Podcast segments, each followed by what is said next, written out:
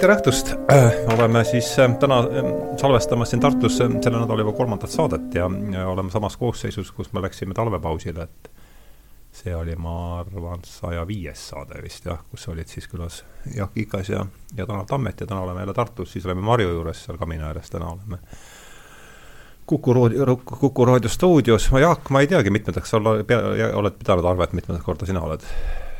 Sest no sa oled mind õige tihti, ma kardan, et kas äkki juba neljandaks korraks ei kujune. ja, ja võibki olla neljas, sest Tanel on neljandat korda. mul on täpselt sama number. sa oled, eks, olid Aarnega, olid Toomaga ja, ja siis kahekesi. täpselt. jah, ja aga äh, siis on alati huvitav teiega juttu puhuda, et äh, ma siis enne, kui ma teema maha, või ma hakkangi nüüd teema maha hõikamiseks, ma loen ette ühe lõigu, mis kummatigi meil oli siis saja kuues vestlus oli, oli vendadest Karamazovitest, millega mul endal tuleb seal eeloleval hooajal vähe rohkem pistmist. ja, ja selle käigus ootamatult äh, läks äh, jutt vestlusele siis Imani vestlusele Kuradiga, mis on seal äh, romaani lõpus. ja ma loen siit ette ühe lõigu, mis siis visandab natukene teemat uh, mõtlesin, mis filosoofiat ma siin suudan, kui terve mu parem külg on kange, muudkui jagan ja mõmisen, seda räägib siis kurat Ivannile. käisin kõik arstid läbi, diagnoosida oskavad suurepäraselt, kogu haiguse seletavad sulle ära nagu nalja, noh aga terveks ravida ei oska. kohal juhtus olema üks innukas tudeng. kui teie ka surete, ütleb, siis vähemalt teate kindlalt, mis haigusesse surite. või siis see komme saata spetsialistide juurde, et meie teeme haiguse kindlaks ja siis sõitke selle ja selle spetsialisti juurde, tema ravib juba terveks ja nüüd on see siit alla joonitud koht, kus me selle teemani jõuame. täielikult, täielikult ütlen ma sulle, on kadunud see endine hea arst, kes ravis kõiki haigusi, nüüd on üksnes spetsialistid ja aina kuulutavad endast lehtedes. hakkab sul nina valutama, siis saadetakse sind Pariisi, et vaata, seal arstib üle-euroopalise kuulsusega spetsialist ninasid. Lähed Pariisi, seal uuritakse su nina. mina, ütleb see arst, võin teil ainult parema sõõrme terveks ravida, sest vasakuid sõõrmeid ma ei ravi, see pole minu eriala, eriala. aga sõitke Viini, seal arstib endi, eriline spetsialist teie vasaku sõõrme terveks. no mis sa ütled, hakkasin kasutama vanarahva tarkusi, üks saksa arst soovitas keha saunalaval mee ja soolaga hõõruda. ma läksin ainult sellepärast, et veel kord saunas käia. määrisin enda üleni sisse ja ei mingit abi et äh, see nüüd äh, selgitab sellises rahvalikus keeles ja ilutir-, ilukirjanduslikus võtmes nähtust, äh, millest me siis täna olen kutsunud teid mõlemad rääkima, nimelt siis tundub mulle, et see on ka üks reduktsionismi, reduktsionismi. Ütleme, et see lõik lõhnab reduktsionismi järgi ja, ja selle, selle, see sama mõiste ongi see siis tänase vestluse üks kandev telg, eks ta äh, nagu paljude sääraste mõistete puhul omandab ta tähenduse suhtes oma vastandmõistega, milleks on siis ilmselt, ma ei tea, see on ka omaette küsimus, aga mina pakuks sinna holismi. et see, et tänase vestluse kandev telg võiks siis olla veel kord äh, vastandipaar, ühelt poolt siis reduktsionism ja teiselt poolelt holism, et äh, sellega olen mina teema maha hõiganud, kuulutanud välja saatekülalised ja, või tutvustanud saatekülalisi ja ja annaks hea meelega äh, võimaluse teil haakuda. üks reflektsioon, kui tohib, sinu äh, poeetilise sissejuhatuse juurde, et mis siis nagu on tänapäeval vendade Karamazovite aegadega võrreldes muutunud. Äh, no tohtrite spetsialiseerumine on võib-olla veelgi suuremaks läinud, aga kui päris viimane aasta maha arvata, siis Pariisi ja Viini saab palju kiiremini jah, see on küll õige, jah. aga samas on see, nagu sa ütlesid, et arst, spetsialiste on tulnud äh, kõvasti juurde, ma kujutan ette, nii et selles mõttes kohti, kuhu sõita on jälle rohkem, tundub, või mis? ja, ma ei tea, kuidas, kuidas me nüüd siin oma neid rolle nagu jagama peaksime või eh, noh, eh, sind, Hardo, ma kujutan küll ette kui sellist paadunud holisti tegelikult noh, ei tea, aga ma sain alles ka, õppisin, ma sain teada, et niisugune sõna on kolm aastat tagasi, nii et ja. aga põhi, eks mu sümpaatia mis, pigem mis, sinna. mis jätab selle, et, et, et, et, et noh, meie siis või emba-kumba meist ähm, meie peaksime need reduktsionäärid olema ega no füüsika vist kisub sinnapoole pigem äh, vist või? jah, tähendab, vaata, on üks, on üks väga reduktiivne teadus tegelikult mida nüüd selle teaduse harrastajad, ega nad ise ka ei, ei, ei eita, et ta on väga hästi redutseeritav, nagu mis on keemia, keemia., nagu minu, minu, minu hea kolleeg Enn Lust, ta on lugupeetud keemik mm, -hmm. ütleb, et et ega see keemia ei ole midagi muud kui aatomite väliste elektronkatete füüsika mm. -hmm. Ja ma usun, et ega noh, mis need keemikud, muidugi seal on omad spetsiifika ja kõik nii ja naa ja aga põhimõtteliselt on ta suures plaanis on see nii. katsu sa nüüd bioloogidele, no molekulaarbioloogidele võib-olla veel annab midagi rääkida, et noh, et see on see nagu keerukate, keerukate molekulide keemia ja aga nendele, kes päris ikka rakkudega tegelevad, katsu sa neile rääkida, et, et see on, kõik on redutseeritav või seletatav keemiale. No ega ei olegi tegelikult või ei ole see niimoodi, niimoodi õnnestunud. Nojah, meil tuli selles eelmise vestluse lõpus tuli kusagil see tsitaat mängu, et, et kuidas see meil oligi, et psühholoogia on tegelikult bioloogia, bioloogia on tegelikult keemia, keemia on tegelikult füüsika ja füüsika on tegelikult matemaatika, siis sa ütlesid, et selle viimane, et see füüsika ja matemaatika vahel on, et kui eelnevad olid niisugused väiksed jupid, siis füüsika ja matemaatika, seal on see mulle just, see matemaatika on kõigist väga kaugel, väga kaugel. aga, aga kuidas see, aga üritame nüüd ja hea meelega, tähendab, hea meelega kutsukski teid mõlemad nüüd arut-, kuidagi seda jällegi mitte nüüd väga kramplikult defineerima, aga noh, vähemasti piiritlema, et mis see et me enam-vähem ühest, ühtemoodi asjast aru saaksime, et mida, mida see reduktsionismi all no ma arvan, see, see sõna juba ju ütleb midagi sellist, et et jagada asju algosadeks mm, -hmm. kuigi ma saan aru, et selle reduktsiooni algne mingi ladinakeelne tähendus on, on tagasitoomine või tagasitulemine, et, et see kus justkui väljendab tagasi sellist juhtima, eks ole. jah, justkui väljendab mm -hmm. seda, et et, et, et asjadest tekivad mingid üldisemad omadused noh, mis on natuke abstraktsiooni poole minek, ja et nad tulevad justkui tagasi. et, et sa redutseerid küll, aga siis need üldisemad omadused tulevad justkui tagasi, eks mm. -hmm. ja, ja tundub justkui üsna selgelt, et, et peaaegu kogu teadus, noh, võib-olla ka inseneriasjandus, ma ei oska öelda, aga teadus küll on põhiliselt selline redutseeriv, et sa püüad asju jagada osadeks ja aru saada, mis need osad teevad ja kuidas need osad omavahel suhtlevad ja, ja mis, mis see masinavärk siis kõik teeb, eks ole et, et sa ei saagi justkui mõelda, kui sa ei redutseeri. sul kaob ära struktuur, et reduktsioon ju tekitab asjadesse mm. struktuuri, ütleb, nüüd on mingi struktuur, me saame hakata seda uurima, eks. ja teisipidi, kui sa võtad näiteks noh, enam-vähem mis tahes sellise kunstiteose, võtad pildi, muusikateose, raamatu, ta koosneb küll tükkidest, aga me ei taju seda selliste tükkidena. pitsilööke ei taju, jah. seda on väga raske redutseerida, et no saab natuke redutseerida küll, eks ole, alates propist on need kuulsad teksti ja semiootikute analüüsid, aga aga need analüüsid on ka sellised noh, suhteliselt udused, et nad ei lähe väga kaugele, et nad ikkagi ei ütle väga täpselt sulle asju ära. Ja nii et, nii et kõik selline noh, kunstiline taju või mõju on, tundub pigem selline holistlik olevat, sellepärast et sul on raske redutseerida, sa saad mingisuguse väga keerulise asja, mis annab mingit mõju ja sa ei oska öelda, kuidas see mõju toimib, eks sa ei püüagi seda analüüsida, sul, sul noh, ei olegi justkui võimet redutseerida, aga samal ajal inimesed natuke nagu püüavad, et noh, mingil määral ma saan aru, et et osa semiootikuid püüab seda teha ja tegelikult osa filosoofe teeb seda ka, eks ole, kui me võtame analüütilise filosoofia, see on selline keele analüüsimine, redutseerimine keele osadeks mm -hmm. ja ja ka, ja võib-olla ka kontinentaalsest, et, et dekonstruktivistlikud suunad on ka natuke sellist laadi, kuigi nad ei lähe võib-olla nii kaugele, eks ole mm. -hmm. aga, aga mõtlemine justkui toimub redutseerimise viisil ja siis me saame ju aru ka, et et noh, kuskil on seal pragmaatika, et no me mõtleme millegi jaoks, eks ole, see on jõle oluline dimensioon, et ta on, ta on justkui väljapool seda redutseerimise holismi dimensiooni.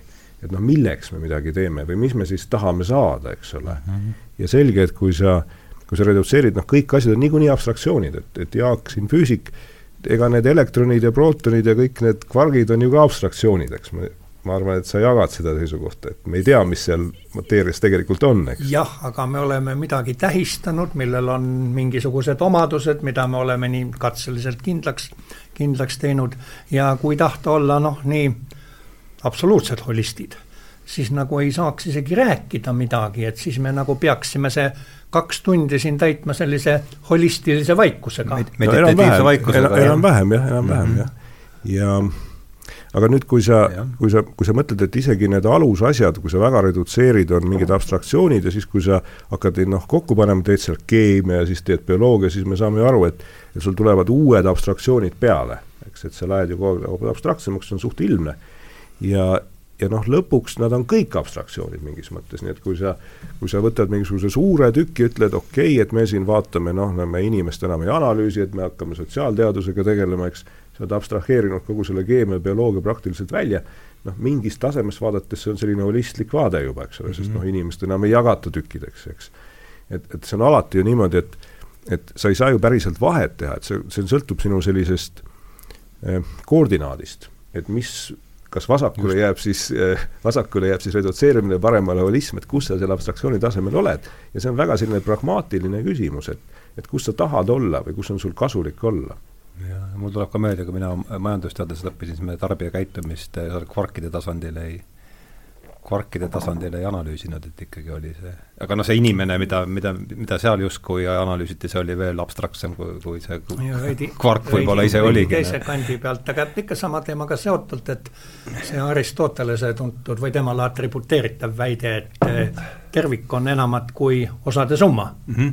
Just. et eh, noh, ütleme, et kui üks selline reduktsionäär ütleb holistile, et aga saad seda väidet mulle eksperimentaalselt kuidagi tõestada või mm -hmm.? noh, holist mõtleb veidike, milles küsimus.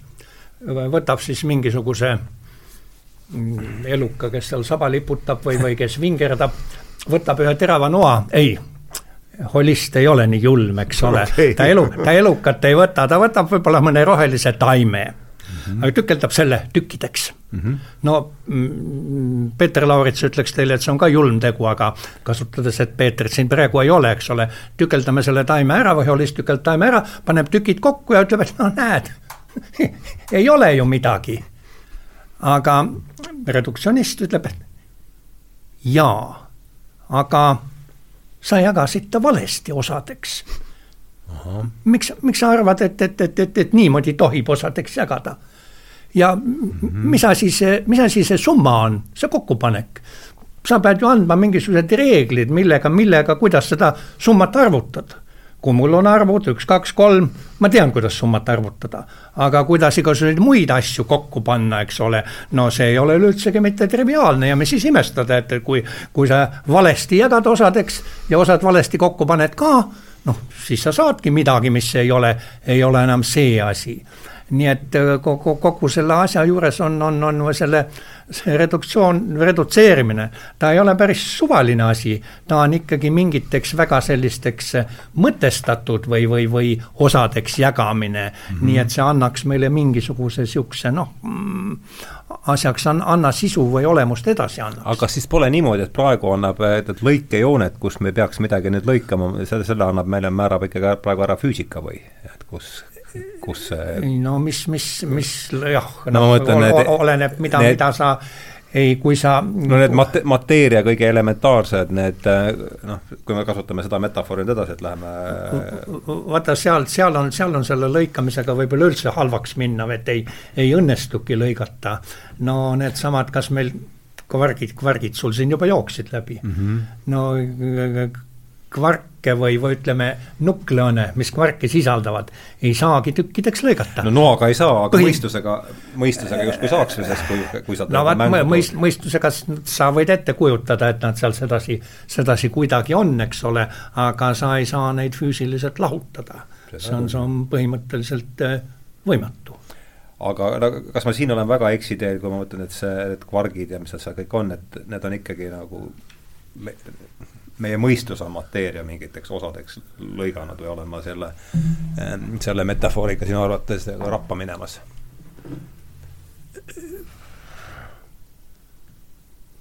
olin ma arusaadav? jah, no lõppeks ähm, kes see muu kui meie ja meie mõistus või, või, või, või aga see oli küll selline julm reduktsionistlik küsimus, et sa jäid kohe mõtlema ei no mulle tundus lihtsalt, et ega ma Jaagu juttu kuulates selline küsimus tekkis, et ega ma mõtlesingi, et kas see, et on, kui, kui viljakas või eksitav see metafoor, noh, see on meil kõigi ka ju kujund, eks, et me no mõtlemine, mis tähendab mõtlemine, ta tähendab ikkagi ju reaalsuse liigendamist mingiteks osadeks. tal on, tal on mingi pragmaatika komponent ka alati, ma arvan, sees, et kui me selle välja jätame, siis me läheme väga rappa. et sa võid ju siis igasugust suvategevust nimetada mõtlemiseks mm. -hmm. mulle väga meeldib see Bergsoni lause, et me, kuidas see, et meie mõte on valatud tegu, teovalu vormi või midagi, et just nimelt see, et tegu on, tegu on ees, mis, mis siis annab sellele võttele, aga jätkab. jaa, aga vot sina mainisid bioloogiat, kohe sul läks, näide läks sujuvalt keemiast ja füüsikast bioloogiasse, eks, ja ja, ja see sinu teemaarendus tuli ka ju Karamazovitest ja mingist inimese analüüsist, et mm -hmm. mulle ka tundub, et et, et mõte sellisele reduktsiooni või holismi teemale tuleb eriti kergesti, just kui sa räägid bioloogiast või inimestest või mingitest organismidest, et see tundub -hmm. noh, justkui nagu see põletav küsimus, eks ole. ja, ja, ja ma arvan, et, et noh sellise natuke arvutiteaduslikuma vaate poolt, et asjad, kus mina seda kõige rohkem olen kohanud või kus see tundub kõige kuidagi olulisem või keerulisem, on niisugune teadvuse teooria küsimus, mis on mm -hmm. ka mhm. päris klassika, aga ta on noh, viimasel paaril aastakümnel läinud hästi popiks, eks ole mm. -hmm. et noh, küsimus, et et mis see teadvus on või kust ta tuleb ja me keegi ei saa aru, et see teeb selle kõige põnevamaks, et seal ei ole ühtegi nagu arusaama. ja, ja noh, selle koha pealt on mõned sellised hästi efektsed bioloogia näited, et üks, mida ma olen vist varem ka maininud, et ma sattusin vaatama paari väikest videot äh, närvirakkudest, mis olid sellised äh, noh, mingi roti värskelt kasvatatud närvirakud umbes katseklaasis, mis olid tasapinnal ja siis omavahel seal hakkasid nagu kokku puutuma, ajasid mingeid jätkeid välja sa näed nii selgelt, kuidas need närvirakud on väikesed organismid, eks mm. -hmm. Nad omaette seal ro-, roomavad ja tegutsevad ja teevad värki ja siis sa mõtled, et okei okay,, et kui mu aju on sellistest väikestest loomadest koos, nad on nii selgelt omaette loomad, nagu väiksed koerad. et, et kust see teadvus siis ikkagi tuleb, eks ole. et kas see on siis selle eh, noh, kuidas me, kuidas me siin enne mõtlesime, emergentne või nagu isetekkiv asi, justkui mingi järgmise taseme asi, eks, või ta tuleb kuskilt väljapoolt või ta on nende väikeste rakkude sees, et see on väga, väga julm küsimus, et sest me üldse ei tea tegelikult. Ja ma arvan, see on üks selline terav koht, kus inimesed on igalt poolt püüdnud, püüdnud seda redutsiooni teemat nagu ajada ja seal on üks noh, üks selline hästi vastuoluline, vastuoluline teooria, mis, mis on iseenesest põnev, on, on selline üks panpsühhistide eh, teooriaid, mis on vist Donini, kes oli see mees, kes selle välja mõtles mitte väga ammu tagasi, tal on niisugune phi tähis, ma ei mäleta selle, selle asja nime, pärast võib-olla tuleb meelde, on, on selline nagu arvutat-, arvutamise valem või arvutamise postulaadid, kus ta ütleb, et noh, okei okay,, et panpsühhistlikult, et kõigel on teadvus, et noh, igal liivaterel on teadvus ja ja väiksel rakul on teadvus ja koerast rääkimata, eks ole, aga et noh, mida keerulisem süsteem, seda rohkem teadvust ja siis on tal mingid valemid, millega ta püüab siis öelda, et noh, et vaatame, et kui palju tükke sel asjal on ja kui palju need tükid siis omavahel suhtlevad, et noh, selge, et mida rohkem tükke, mida intensiivsemalt nad suhtlevad, et et seda rohkem justkui teadvust mm. -hmm. nüüd samal ajal mm, enamik inimesi, ma saan aru, kes on sellesse süvenenud, suhtuvad sellesse äärmiselt kahtlustavalt, nad ütlevad, et see et noh, need postulaadid ja matemaatika on natuke nagu pseudoteadus, et seal ei ole tegelikult nagu reaalset sisu, et need on sellised metafoorilised asjad mm, -hmm. mida esitatakse nagu matemaatikana, aga tegelikult seda ei ole ja, ja et see kõik ei ole üldse arvutatav ja, ja Donini ise ütleb ka umbes, et noh, et nagu Donini, jah? jah, vist oli, või, või Dononi, ma ei ole päris kindel, ta võis olla Dononi. Ehm, no väga sarnane sõna mm -hmm. ja, ja, ja noh, näitena, et, et kui sa võtad kas või mingisuguse noh, paned transistorid kokku ja elektrit neile ei anna peale, eks ole, paned neid hästi palju kokku, sealt tinutad, et siis, siis tema selle teooriaga, selle asjal on ka teadvus, kas siis, kui elektrit ei ole, ta ei tööta justkui, sest noh, on palju tükke, mis omavahel justkui suhtlevad. Et see kõik jääb väga häguseks, aga, aga noh, sellised väikesed üritused on, eks ole, kuidagi püüda mõõta või hinnata selle süsteemi keerukuse järgi teadvust. aga nad ei vii väga palju kuhugile, neil ei ole tegelikult sellist reaalset ennustusvõimet või see, selle järgi võiks öelda ka umbes, et et võtad suure hunniku liivad, siis noh, sellel on kõva teadvus, palju liiva on hästi palju kokku kleepunud tükke, eks. no mm -hmm. kes teab, aga ta, ta ei tundu väga intuitiivne ta samas ei tundu ka fundamentaalselt täiesti vale. ja siis me jäämegi sinna toppama, et praegu on natuke sellega niisugune seis. see mõttearendus toob mulle nüüd kaks meest veidi varasemast ajast meelde. üks Tartus õppinud mees Ostvald Aha. ja teine, teine Nobelist või? mis see? oli ta nobelist? nobelist ja ta sai, sai, sai Nobeli ja äh, teine siis äh, Austria füüsik äh, Boltzmann, Ludwig Boltzmann mm. -hmm. ja, ja, ja seal oli ju see asi, et noh, neil, nad olid head sõbrad tegelikult, aga selle, selle, selle, selle kõrval tõesti kummaliselt tähendab teaduslikult mingis mõttes verivaenlased. Eh, kusjuures eh, noh, Ostvald propageeris sellist vaadet, muuseas Ostvald väidetavalt alles aastal tuhat üheksasada kaheksa hakkas uskuma, et aatomid ja molekulid tegelikult eksisteerivad ta arvas, et, et seni, et see on mingisugune selline vanaaegne Kreeka metafoor okay,, eks ole okay,, tähendab okay,, aga jah. tegelikult on ikka energiat ja kõik mingisugused taolised asjad, et e-, ener-, energetism oli, oli see tema äh, tema termin. aga no Boltzmann arendas statistilist füüsikat, tähendab, ja idee selles, et, et nojah, aatomid, osakesed, nad, nad liiguvad, aga mm, mida tollal veel muidugi ei osatud, tähendab, ta päris seda, seda termodünaamikat või, või termodünaamimise omadusi päris Newtoni mehaanikast kätte ei saanud, matemaatiliselt rangelt. seal tuli teha vahele mõningaid oletusi ergootsuse hüpotees ja, ja kust see, kust see pöördumatus tuleb ja, ja, ja aga noh, kui need oletused juurde võtta, noh, see on siis nagu selle, sellel tasemel oli siis nagu selline emergentne omadus, mis suurtes süsteemides ilmneb või, või no siis sai kena teooriat arendada ja aga huvitav on see, et, et, et tegelikult see range matemaatiline tõestus tuli ka, aga tuli, tuli hiljem, kuuekümnendate lõpus üks Prantsuse, Belgia füüsik, matemaatik äh, äh, David Roel andis siis matemaatiliselt ranged tõestused, et tõepoolest tähendab, lähtudes sellest Newtoni mehaanikast, äh, saab selle, selle statistilise füüsika või, või, või suure arvu osakeste termodünaamika saab, saab niimoodi kätte ta, ta siis lepis, see prantslane lepitas siis Newtoni füüsika termodünaamika no ta, ta lepitas, aga, aga ega, ega sellel faktil tähendab, ega tal väga teaduse arengus enam nii väga suurt tähtsust võib-olla ei olnudki. sellepärast, et, et kasutades seda eh, ergootsuse hüpoteesi või neid täiendavaid oletusi sinna eh, selle mm, Newtoni mehaanika juurde, eh, andis täiesti edukalt vahepeal seda statistilist füüsikat arendada ja, ja, ja, ja see, et talle nüüd siis selline matemaatiline põhi ka alla sai, range mm. põhi, eks ole. noh, tore on, tähendab, rõõmustama, aga ega, ega, ega sealt väga palju võib-olla uusi, uusi arenguid enam ei järgnenud. mul, mul tekkis kohe paralleel lõssenkismiga.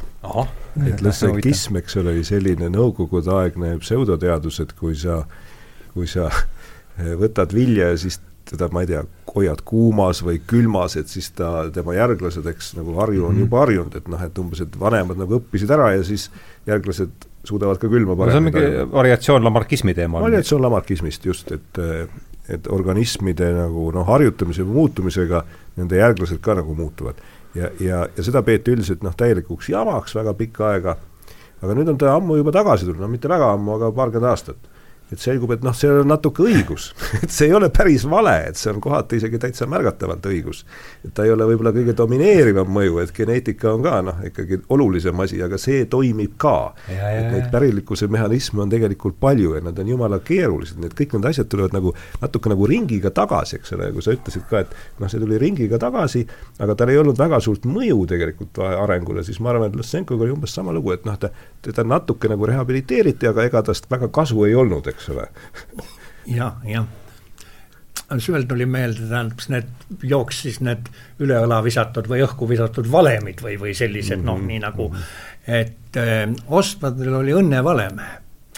Ostmadel õnnevalem tähendab õnn võrdus selline mm, positiivselt või, või kasutatud energia ruudus miinus siis selline noh, negatiivsetel eesmärkidel või, või vastupidi, kasutatud energia ruudus ja ta ka tõsimeelselt kirjutas sellise valemi tahvlile? Messe. tõsimees kirjutas kohe sellise valemi tahvlile. see on nüüd omaette küsimus, me ei saa teda hauast välja kutsuda, eks ole, tähendab, kui, kui tõsimeel, aga, aga ei. valem on olemas. valem on olemas, tähendab, seda võid, võid, võid, võid leida seda jah, jah, ja noh, aga see noh, see ja mingeid isegi põhjendusi olid sellised küll vägagi õhku visatud või veel ebamäärased, et -hmm. miks ta nüüd just selline on, noh, aga jah. ja, ja, ja, ja mul on jälle sellele ka paralleel et et praegu, kui noh, võib-olla see õnnevalemi asi ei ole nii populaarne, aga igasugused tehisintellekti asjad on hästi populaarsed, siis siis on hulga füüsikuid või füüsikakalduvustega inimesi, kes on sarnasel viisil siis püüdnud kirjutada selliseid tehisintellekti valemeid ja siis on öelnud, et näed, et tehisintellekt või üldse intellekt toimubki natuke selle valemiga ja et seda kõike saab kuidagi rehkendada ja siis ma olen andnud ka selliseid põhjendusi, noh, mis minu meelest on suhteliselt noh, naeruväärne, et seal on nagu mingit metafooriline põnevus aga, aga no siiski, eks ole, et see on, see on natuke sarnane asi. aga ma tahtsin siit korra tulla võib-olla niisuguse noh, teise näitena, et, et kui me, kui võtta selline noh, analüütilise filosoofia osa võib-olla nagu tähendusteooria ja ja kuidas tähendus funktsioneerib, eks, siis seal on ka väga selgelt pikalt olnud noh, niisugune eh, liikumine mõlemas suunas, et, et kui sa võtad kas või hariliku teksti ja püüad aru saada, et kuidas ta tähendus siis kokku pannakse, eks. siis me saame aru, et ühest küljest koosneb ta tähendus noh, selgelt on sõnadest ja grammatika ja selle kõigel on suur mõte sees, et noh, sõnadel ongi nagu tähendus ja grammatika. ja sa saad neid uurida ja sa saad panna täiesti ennenägematud laused kokku ja anda neile tähenduseks, aga teisest küljest noh, need sõnad ilma kontekstita ja ilma selle konkreetse inimeseta, kes neid vastu võtab, ei tähenda midagi et nad tähendavad ainult äh, sellises suures ühiskondlikus mehhanismis, eks, ja nüüd meil on selline mm -hmm. tuntud kuulus funktsionalistist filosoof nagu Putnam, kes äh, äh tema kes, on eesti keeles meil ka vist esindatud? vist isegi on, kuigi ma ei ole päris kindel, aga ma üldse ei imesta. sa mäletad, mis ta eesnimi oli, ei mäleta, ma olen alati nimetanud teda Putnamiks, jah mm. -hmm. aga ei, ma ei tule meelde praegu mm, -hmm. jah. Mhm. ja vist Hillary Putnam mm, -hmm. umbes nagu Hillary Clinton, aga natuke teistmoodi. ja, ja, ja temal on üks suurepärane selline sotsiaalse tähenduse teooria ja see sotsiaalse tähenduse teooria ütleb, et okei okay,, et, et, et sõnadel ühe inimese jaoks niimoodi sellist automaarset tähendust ei olegi, et kui sa kui sa tahad aru saada näiteks, et mis asi on kask või mis asi on pöök või mis asi on jalakas, eks, siis sa pead minema spetsialisti juurde, kes on selline ühiskonnas tunnustatud spetsialist ja kes ütleb, et noh, et et, et ei, mina, mina oskan öelda, et vaata, et see on jalakas, eks ole, kui sa tahad eristada mingit kulda kassikullast, sa pead jälle minema mingi keemiku juurde, kes suudab seda eristust teha, eks mm. -hmm. ja sul võib olla ka pseudovendi, kes ütlevad teistmoodi, mis on jalakas või keegi ütleb, et näe, see kassikuld on tegelikult kuld. sa pead kuidagi aru saama, eks ole, et milline on see õige spetsialist ja see õige spetsialisti sa leiad ainult läbi sellise ühiskondliku struktuuri, et sa umbes helistad ülikooli kuhugile numbrile ja usud, et ülikooli vennad annavad sulle õiget infot, et mm -hmm. nad on usaldusväärsed ja ja siis sa jõuad seal selle spetsialisti juurde, eks ole, ja me tuleme sealt natuke nagu sellesama mm -hmm. QAnoni ja ja kõige selle teema juurde tagasi, eks ole, et mis asjad on õiged ja mis on tähendused, et sul on sotsiaalsed struktuurid, mis sind kuhugi juhu, juhivad, eks ole, ja näiteks kui see, kui see Facebook juhib sind kogu aeg QAnoni juurde, siis sa sinna satudki, eks ole ja sealt tulebki sinu tähendus, nii et, et see sotsiaalse struktuuri olulisus, tähendus on hästi kriitiline, see on natuke selline holistlik vaade, eks ole, et sa saad öelda, et okei okay,, et keel ei funktsioneeri niimoodi automaarselt, vaid ta funktsioneerib holistlikult, aga samas on tal ka ainult noh, tal on ka automaarne komponent, eks mm. -hmm. see on nagu kogu aeg, nagu me vaatasime, et sul on mitu erinevat abstraktsioonikihti ja ja sa ei saa ühtegi päris ära jätta, sellepärast et siis sa kaotad midagi kohe Need on need nähtused, mida eessõnaga alternatiivne tähistatakse jah, jah mm. -hmm. kus meil heli tuleb uh,? Uh, tahaks siit uh, Jaagu jutust uh, noppisin üles sellise mm, jälle tundub, kas, ma ei tea, võib-olla see polegi vastandipaar, aga, aga seesama, et Oswald uh, mis ta oli, tuhat üheksasada äh, ütles, et äh, see oli vist Oswald, kes ütles, et tuhat üheksasada kaheksa tuhat üheksasada kaheksa sai temale nagu uskus, hakkas uskuma, hakkas uskuma, et molekulid on olemas. jah, see on päris huvitav, oli see, see oli Oswald nüüd? see oli Oswald, jah. jah, tuhat üheksasada, see on päris äh, põnev lugu. aga et see energetism, oli see energetism versus atomism või? Mis ma no jah, võib-olla võib, võib, võib niimoodi ka siis seda noh, seda Osvaldi Boltzmanni dilemmat või vastandumust mm -hmm. tähendab ehm, tema Ostvald Ostvald, talle sellised üldised termodünaamika valemid, valemid meeldisid, tähendab, aga see, et, et selle, et see kõik tuleb, tuleneb mingisugust mikroskoopiliste osakeste liikumisest mm, -hmm. see mõte talle oli kuidagi vastuvõetamatu või, või, või, või miskipärast see talle ei, ei, ei meeldinud. nojah, aga seesama asi elab ju jälle, ma jälle praalin siin tõenäoliselt üle oma üle oma, oma võimet, aga, aga mulle tundub, et see on ju füüsikas see osakese ja laine, see kuidagi, see elab seal. no jaa, tähendab siia. see, see, see dualism tegelikult ta, ta tänapäeval ja täiesti, kolinud, kolinud täiesti sisu, sisuliselt ja noh, õigustatult elab, need on need, need fermionid ja bosonid, eks ole, tähendab, võid öelda siis aineosakesed ja väljaosakesed teatud tinglikkusega, poole ja täisarvulise spinniga osakesed, eks ole, nii et selle, sellele võib sellise noh täiesti konkreetse interpreteeringu anda, eks ole, kui tahta. oota, mis saates sul oli siin tabel isegi kaasas, ma mäletan, sa istusid jaa, oli see, see on see mis, mis saade see meil oli? osakeste standardmudel, kus ta on ühele poole on siis pandud need Vastas... aineosakesed, eks ole, ja teisele poole on siis need väljaosakesed, noh, need, mis annavad siis need jõud, mis neid aineosakesi kokku seovad aga idee on ikkagi selles, et nii välja kui ka siis mateeriat saab lõigata, küll mitte noaga, aga mentaalselt ikkagi veel väiksemateks juppideks ja see, mis siis meie ümber on, see ikkagi koosneb nende samade juppide no, no jaa, tähendab, nüüd või? on, nüüd on muidugi kusagil eksisteerib ka see füüsikute eh, helesinine unistus või see eh, ühtse välja teooria või, või, või ühendteooria tähendab, et, et, et, et kus, kus kõik need asjad tuleksid välja mingisuguse väga fundamentaalse välja noh, eriseisunditena arendati siin selles lootuses stringiteooriat, eks ole, mis nüüd ei ole siiski siin neid, neid eelnenud lootusi täitnud arvatavasti, aga, aga see, et, et, et, et, et kõik tuletada äh, tuletada mingisugusest väga ühtsest algest, no jälle, mis, mis mis tähendab? on nagu mingi holistlik igatsus no, justkui või? mingis mõttes holistlik igastus, sa, sa võid öelda niimoodi jah, eks ole. ehkki see, et, et, et, et noh, ütleme, et e, ega see ei anna veel sulle mingisuguseid erilisi e, ennustus või võib-olla ka tehnoloogilisi võimeid, eks ole, kui sa tõepoolest tead, et seal põhjas on üks selline ühtne, ühtne valem aga mis siis edasi saab, kuidas seda valemit kasutada, mida sellest, mida sellest rehkendada annab, need rehkendused võivad minna ju kätte sellisteks, et, et noh äh,, Laplace'i teemonit läheb vaja, eks ole mm. -hmm. ma, ma lähekski kohe selle rehkenduse koha pealt edasi, sest vot enne mul tuli see Putnami näide meelde ja Putnami üks teine oluline põhimõte, mis tal funktsionalismis oli, seda nimetatakse vist nagu mitmetiseks realiseeritavuks, ma ei tea, kuidas eesti keeles öelda, et et selle mõte on umbes see, et et öelda, et okei okay,, et, et aju või mõistuse või mis tahes sellise tehismõistuse moodi asja, et, et seda saaks põhimõtteliselt ehitada erinevatest komponentidest, eks mm, -hmm. seal on nagu mingid funktsioonid, et noh, et peab seal oskama prognoosida seda ja rehkendada toda ja mingit õpet teha ja nii edasi, eks, aga et noh, et neid funktsioone võiksid täita noh, kas siis rakud või siis mingitest transistoridest tehtud asjad, eks ole, või hoopis mingitest muudest imelikest asjadest tehtud, eks, et see, kuidas sa füüsiliselt ehitad, ei ole kriitiline. see oli see mõte, eks mm. -hmm. et, et noh, see, selles valguses tundub, et peaks olema väga loogiline, et me saame ehitada ka sellistest transistoridest tehisaju stiilis, noh, kui ta oleks piisavalt väike, et noh, miks ta ei pea olema rakk tingimata, on ju, eks. Mhm. aga nüüd me võime vaadata nüüd sellist asja, et et, et mis on, mis on reaalselt rehkendatav, sest kõik need masinavärgid peavad ju tegelikult töötama mingisuguse kiirusega, eks.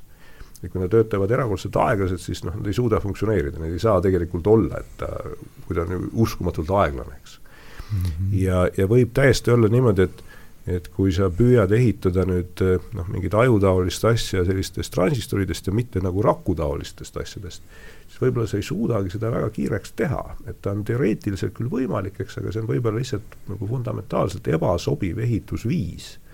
et võib vabalt olla, et selline rakutaoline ehitusviis on palju efektiivsem või kiirem, et see on nagu optimeeritud sellele. seda me ei saa üldse kuidagi välistada, eks ole, ja kui see nii on, siis see ütleb, et noh, et et see mitmetine realiseeritavus jääbki selliseks utoopiliseks mõtteks, aga see oli ka Putnami mõte? jaa, jaa. mitmene, kuidas see inglise keeles on, see mõiste? Multiple real-, realizability.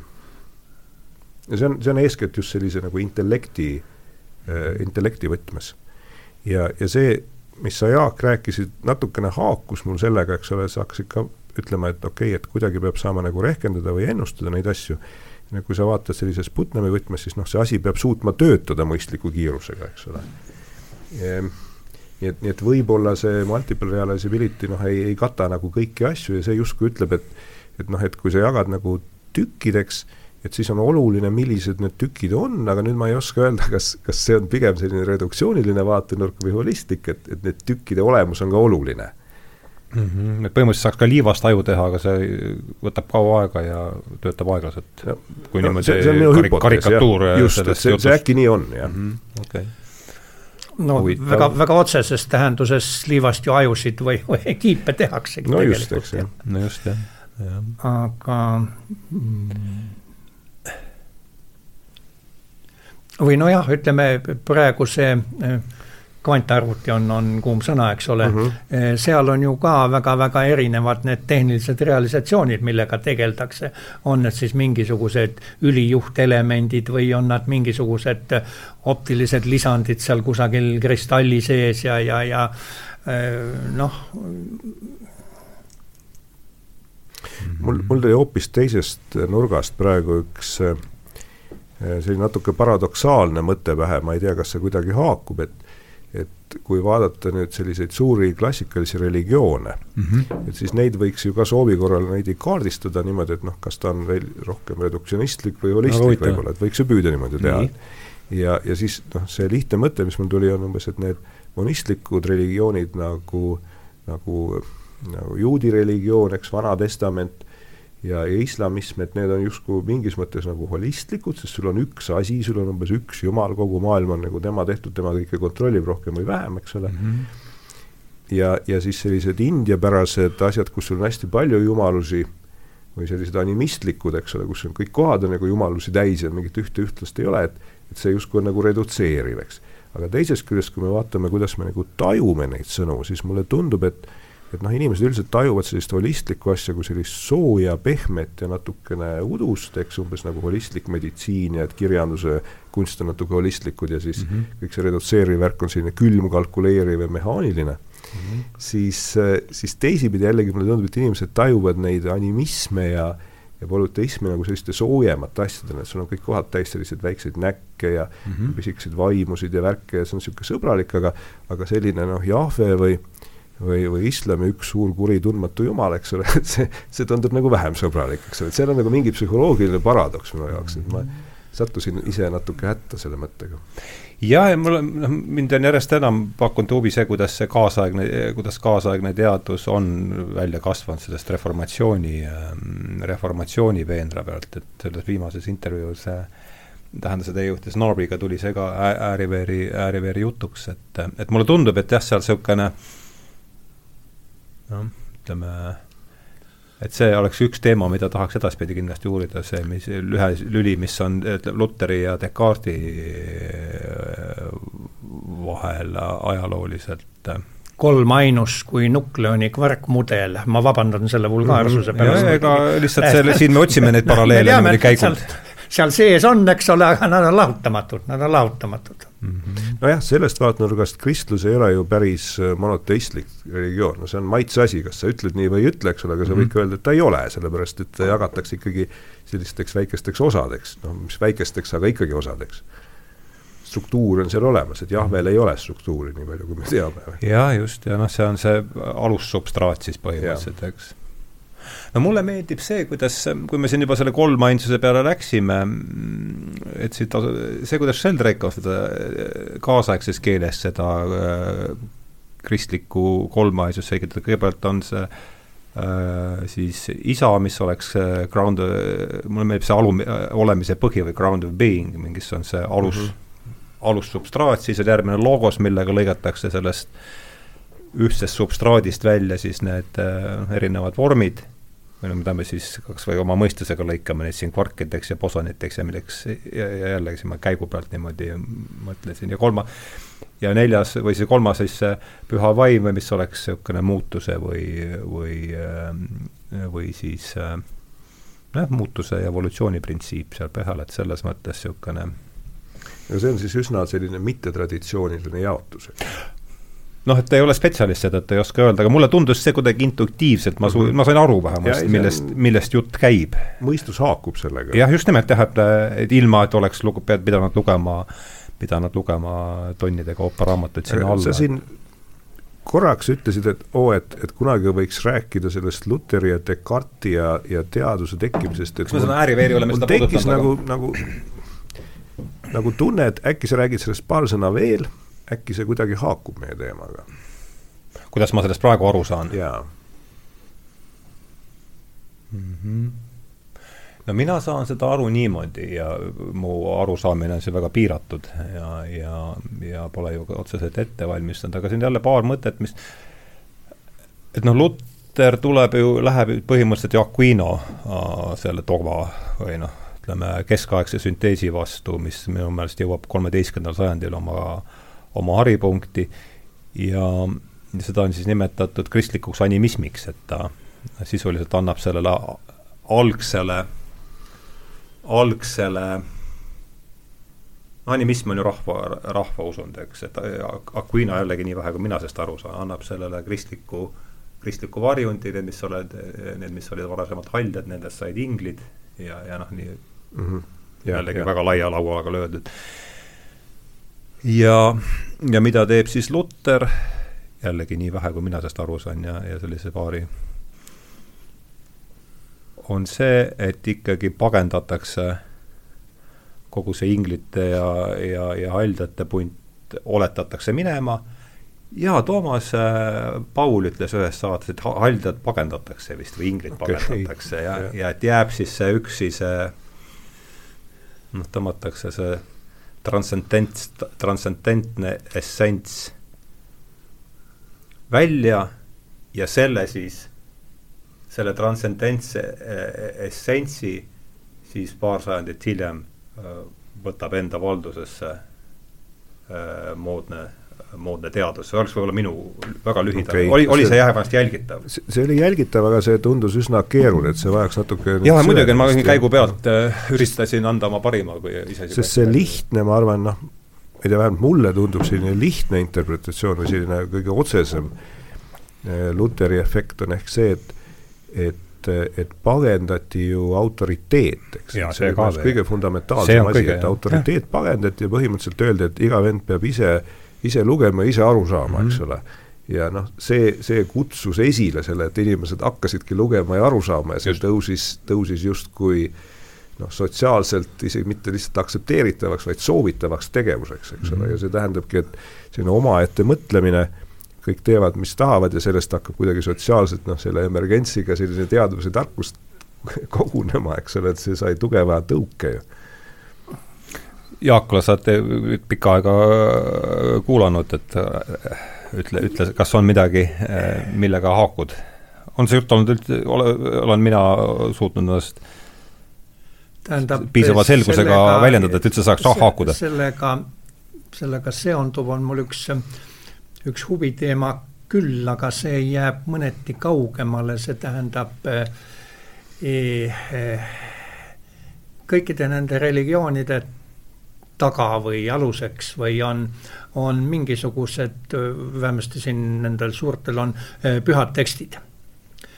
pühad tekstid, kes on, on, on, neid on erinevalt saadud, eks ole, erinevad legendid, eks ole, kellele seal Siinai mäel põlevas põõsas midagi, eks ole, üks teine tegelane kaevas, kaevas siin märksa hiljem küll sellised tahvlikesed kusagilt ülesse, kus oli selline tundmatu tekst, aga siis mõne aja pärast teda õpetati mm, -hmm. kuidas seda teksti tõlkida ja siis sai inglise keeles sai sellest mormooni raamat mm. -hmm. et, et, et, et, et, et, et kust sellised asjad genereeruvad või, või tekivad, tähendab, et, et, et, et noh, kuidagi on nagu, nagu raske uskuda, et, et, et, et, et mingisugusel vennal tuli, no tuli mõte või, või mingisugusel kambal tuli mõte, et, et tead, või, see, või isegi see mõte tuli, miks see resoneerus? teeme ühe sellise vinge religiooni mm, -hmm. mõtleme välja, tähendab, istume seal laua taha, eks ole, no veidike,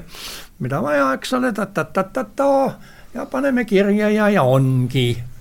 aga, aga niimoodi need asjad ilmselt ei käi, tähendab, äh, sest nendel noh, ajalugu näitab, eks selliseid tekste tegelikult tekib või on, on, on, on, on genereeritud palju aga kõikidel nendel ei ole üleüldse sellist äh, mõjujõudu olnud või efekti, eks ole.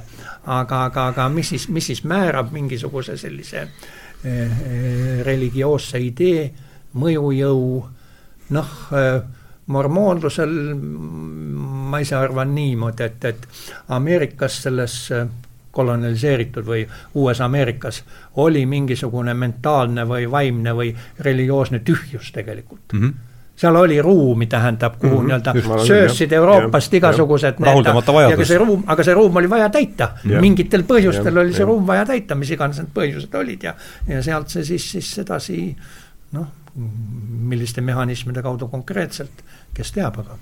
no jaa, aga ma arvan, et et kui sa küsid, et miks üks õpetus saab tuule tiibadesse, teine mitte, siis ma arvan, et seal taga on ikkagi selle algilmutuse mingi poeetiline, poeetiline jõud ja see on ikkagi üldiselt ju sõnas, mitte, mitte vast valemites ja et sealt, et seesama no valemid tulid suht hiljem või hiljuti, eks ole, tähendab. aga noh, see sõna, sõna, mis siis selle, see poeetiline sõna, mis taastab siis selle kaduma läinud või seda igatsetava ühtsuse või, või noh, jällegi jah, see on, see on päris ilus pilt, et seda ühtsust ja ma, ma arvan, et see on ka täitsa üheselt natuke niimoodi, et nii kui mina aru saan, et et noh, enamus neid tekste on ju evolutsiooniliselt tekkinud. võib-olla mormooni raamat ilmselt ei, päris ei ole, kuigi see on ka ju kristluse haru, eks ole, kui hästi eksootiline haru mm.. E, ja üsna jälgitavalt evolutsiooniliselt tekkinud, et päris, päris selgelt saab nagu põhi, põhijoontest aru, kust, kust mida on nagu tulnud ja aga, aga noh, see, et mis hakkab tööle, eks ilmselt ju sõltub sellest, et mis sellele ühiskonnale parasjagu sobib või mis, mis hästi peale läheb. kus sügeleb. no jaa, ja, kui me vaatame seda kristluse asja ka, eks ta sobis ju eh, Rooma riigile selles ajas, kus ta oli, eks. et, et riik hakkas teda ju noh, umbes imperaator hakkas teda otseselt ära kasutama, et et, et püüdlus oli see, et kasutada kirikumehhanismi riigiaparaadi osana mm. -hmm. ja, ja teda hakati tugevasti toetama ja ta kohandus ka kõigi nende olemasolenud religioonidega, mis sel ajal olid, eks ole, ta sobitus nendesse nagu päris hästi sisse. noh, mitte väga lihtsalt, eks, aga läbi ajade nüüd üha rohkem sobitus ja, ja, ja see, see, et sul oleks mingi ühtne idee, on ju hästi kriitiline igas, igas ühiskonnas või igas Just. riigis, eks. ja Ühendriikides nagu, nagu täpselt samamoodi, et noh, et sul on vaja midagi, mis koos püsiks, et kui sul ei ole sellist ühtset, siis ta ju kipub ära lagunema ja sellepärast ka selles Rooma riigis vanasti oli, eks ole, see, see standardne riigireligioon, eks ole, kõigi nende Zeuside ja, ja, ja jumalikustatud imperaatoritega, mis hoidis seda asja nagu koos, eks. sa võisid igast muid asju ka uskuda, aga sellist ühtset ideed oli vaja, Ühendriikides on nagu samamoodi vaja ühtset ideed. kuigi need religioonid justkui seda ei kanna, eks ole, sul on Ühendriikides on umbes eh, noh, ka nagu suured Ühendriikide müüdid, et eh, et Ameerika unelm ja, ja konstitutsioon ja sellised natuke nagu pühakirjalikud asjad on, eks, nad ju vannuvad truudust konstitutsioonile, mis mõjub Just. nagu pühakirjana. nii et, nii et sellised asjad ja, ja noh, neid on, neid on justkui igal pool vaja ja tegelikult, kui me vaatame ka siin seda, seda Eesti väikse riigi arengut ja asja, eks meil on täpselt nagu samamoodi seda asja vaja. ja ma arvan, meil on siin vahepeal tekkinud tühikud, eks, ja praegu me mingil moel natuke kõik otsime seda, et millega seda täita ja ma arvan, kui Nõukogude riik ära kadunud, siis näiteks oli ju näha, et inimesed tunglesid natuke rohkem kirikusse, aga siis neile tundus, et noh, see ikka päris hästi ei sobi ja nad noh, nii väga enam ei tungelnud sinna, eks. ja nüüd, nüüd püütakse leida mingisuguseid muid asju ja kui me väga ei leia, siis see ei kõlagi lõpuks hästi kokku et see on hästi-hästi oluline, see on natuke selline noh, natuke holistlik vaade. On siia sisse midagi kirjutanud, eks ole. just täpselt, eks ole, just täpselt, eks, ja ja kui me vaatame ka näiteks EKRE-t, eks, kes suhtub tasse positiivselt, kes negatiivselt, et et see samuti ju kasutab ära sellist noh, rahvusliku identiteedi või noh, toetab seda, lihtsalt ei kasuta, eks ju, ta nagu elab selle sees, sellise rahvusliku identiteedi müüti. Noh, see müüt on nagu õige asi, see ongi olemas, eks mm. -hmm. et, et see on natuke selline holistlik vaade ühiskonnale, eks ole, et sa noh, mõtled, mõtled tast kui tervikus, kus tal on mingisugune ühine müüt, mis teda siis toetab, et ta lihtsalt ei, ei juhuslikult ei, ei, ei satu kokku mm -hmm. üksikutest indiviididest tahtsid? ei, ma lihtsalt tulen tagasi selle, ma mõtlesin see veel äh,, üritan teile, ma siin lihtsalt äh, käigu pealt joonistasin, nagu Richard Tarnas seda selgitas, et kui me siin vaatame seda, kus see asi pihta hakkab, niisugune animistlik maailm, et see kõik on justkui teadvusest läbi imbunud. noh, seesama, et eks rebasel on hing mm -hmm. ja sõnajalal on hing ja mm -hmm. ja siis äh, tema väidab siis seda Telia ajasta kusagil miinus viissada, eks, kus äh, siis üheaegselt nii Pärsias, äh, Hiinas kui ka siis Kreekas hakkab see tra-, justkui see teadvus projitseeritakse transcendentsi. et ühesõnaga see kõrg, kõrgem tead-, jah, see on ikkagi siis äh,, tekib ettekujutus, noh, kas see seesama Platoni, et sii-, sealpoolsus ja et peale siinpoolsuse on olemas ka veel sealpoolsus ja mina saan aru niimoodi, et Luter veab, on selle protsessi siis nagu üks äh,, üks äh, mingis mõttes meie, meie maailmanurgas siin tipp. ja nüüd, mis Descartesiga, pärast Descartesi on see, et kogu see teadvus, mis siis siin animistlikus, animistlikus maailmas oli siin niimoodi kõikjale jaotada, on nüüd siis meie sellistes piljardikuulikestena siin meie üksikutes peades, et noh, see on see lihtsalt lühidalt äh, lühidalt niisuguse Tarnase suur skeem, mis noh, tead haaku selle sellepärast, et mulle, mul oli võimalik sellest või mina kuidagi sain sellest aru, millest, millest jutt käib, ma ei tea, kui kui hästi ma nüüd ise suutsin seda siin edasi anda. mul haakub see ühe teise et see saab sama selle Descartesi ja Luteri küsimusest. ma saan aru, jah. mul haakub, mul haakub see ühe teise sellise huvitava teooriaga, mis, mis mulle tundub hästi põnev, et et vaata, sa ütlesid umbes aastal viissada, eks ole jah, see teljeajastu on kusagil sealkandis, enne Kristust, enne Kristust, jah. ja, ja ja see on Jaspersi vist see no see võib-olla, aga mm, -hmm. aga, aga nüüd üks, üks teine vaade sellele on niisugune noh, nagu historistlikum, et et e, umbes sel ajal ju toimusid need Makedoonia, Aleksandri maailmavallutuslikud sõjad, eks. ja, ja, ja, Makedoonia, Aleksandria ja Kreeka põhimõtteliselt vallutasidki nagu enam-vähem kogu tsiviliseeritud maailma ära. ja siis, kui Aleksandr ära suri, eks, siis me teame, mis juhtus, et et tema kindralid hakkasid moodustama omaenda väikseid riike ja mm -hmm. kõik hakkasid omavahel sõdima Just. ja nad sõdisid mit, nagu üle saja aasta, nad sõdisid noh, erakordselt jõhkralt. ja põhimõtteliselt kogu see tsivilisatsioon, mis seal ümbruskonnas oli, sai erakordselt tugevalt pihta, et nagu need senised kultuurid ja struktuurid ja ühiskondlik kord enam üldse nagu ei funktsioneerinud, inimeste ebakindlus muutus väga-väga suureks, eks. ja, ja nüüd see teooria ütleb, et, et, et kui enne olid üsna populaarsed sellised grupireligioonid, eks, et sul ongi nagu selline linnajumal või mm -hmm. Ateena on vaat, eks ole, Pallas Ateena on selle Ateena linnajumalus ja me moodustame sellise grupi ja mm, -hmm. ja vana, ja Vana-Rooma religioon on ka ju grupireligioon, et sa mm -hmm. nagu ühiselt ohverdad selleks, et kõigil läheks hästi, eks ju. ja, ja kui seda usku enam ei olnud, et seda, et see grupp üldse funktsioneerib, sest kõik oli ära lammutatud, iga vend oli nagu iseenda eest, eks ole mm, -hmm. et kas ma üldse homme jään ellu et, et siis hakkasid palju paremini töötama sellised isiklikud personaalreligioonid, mis ütlevad sulle, et noh, et sul on nagu endal otseside mingi, mingisuguse jumaliku asjaga, et sul ei olegi vaja mingisugust gruppi, et, et see on see nagu personaalne religioon, eks ole, need monoteistlikud religioonid sobivad selleks nagu paremini, eks ole, Kristus on ka puhtalt selline personaalreligioon, noh puhtalt ei ole õige öelda, aga no, sinnapoole sinna poole, eks ole mm. -hmm. jaa, jakt. aga mida praegu? No saaks ka kuidagi nii kõhunahaga ära tunda või mis need, mis need ideed või vajadused või on, mis, mis praegu peale läheksid? no mulle tundub, et on samasugune ikkagi see niisugune igatsus mingi ka... võib-olla ma räägin siin enda, aga, aga me räägime kõik enda nimel ja see, kuidas meie tunneme seda asja, aga eks see ikka mingi niisugune kaduma läinud terviku igatsus tõenäoliselt on, sest et äh, noh, mida ka konkreetsel kujul Ardo saated kannavad.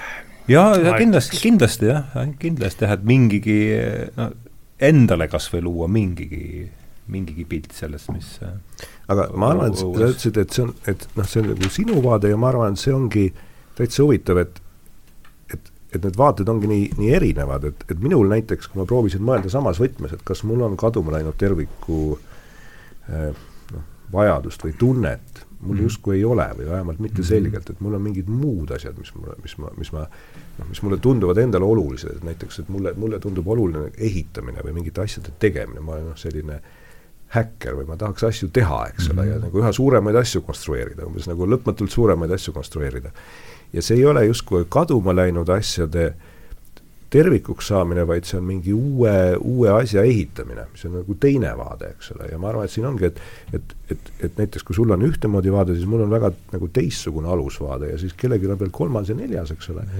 me, me olemegi üsna erinevate selliste noh, alusmehhanismide kütkes või?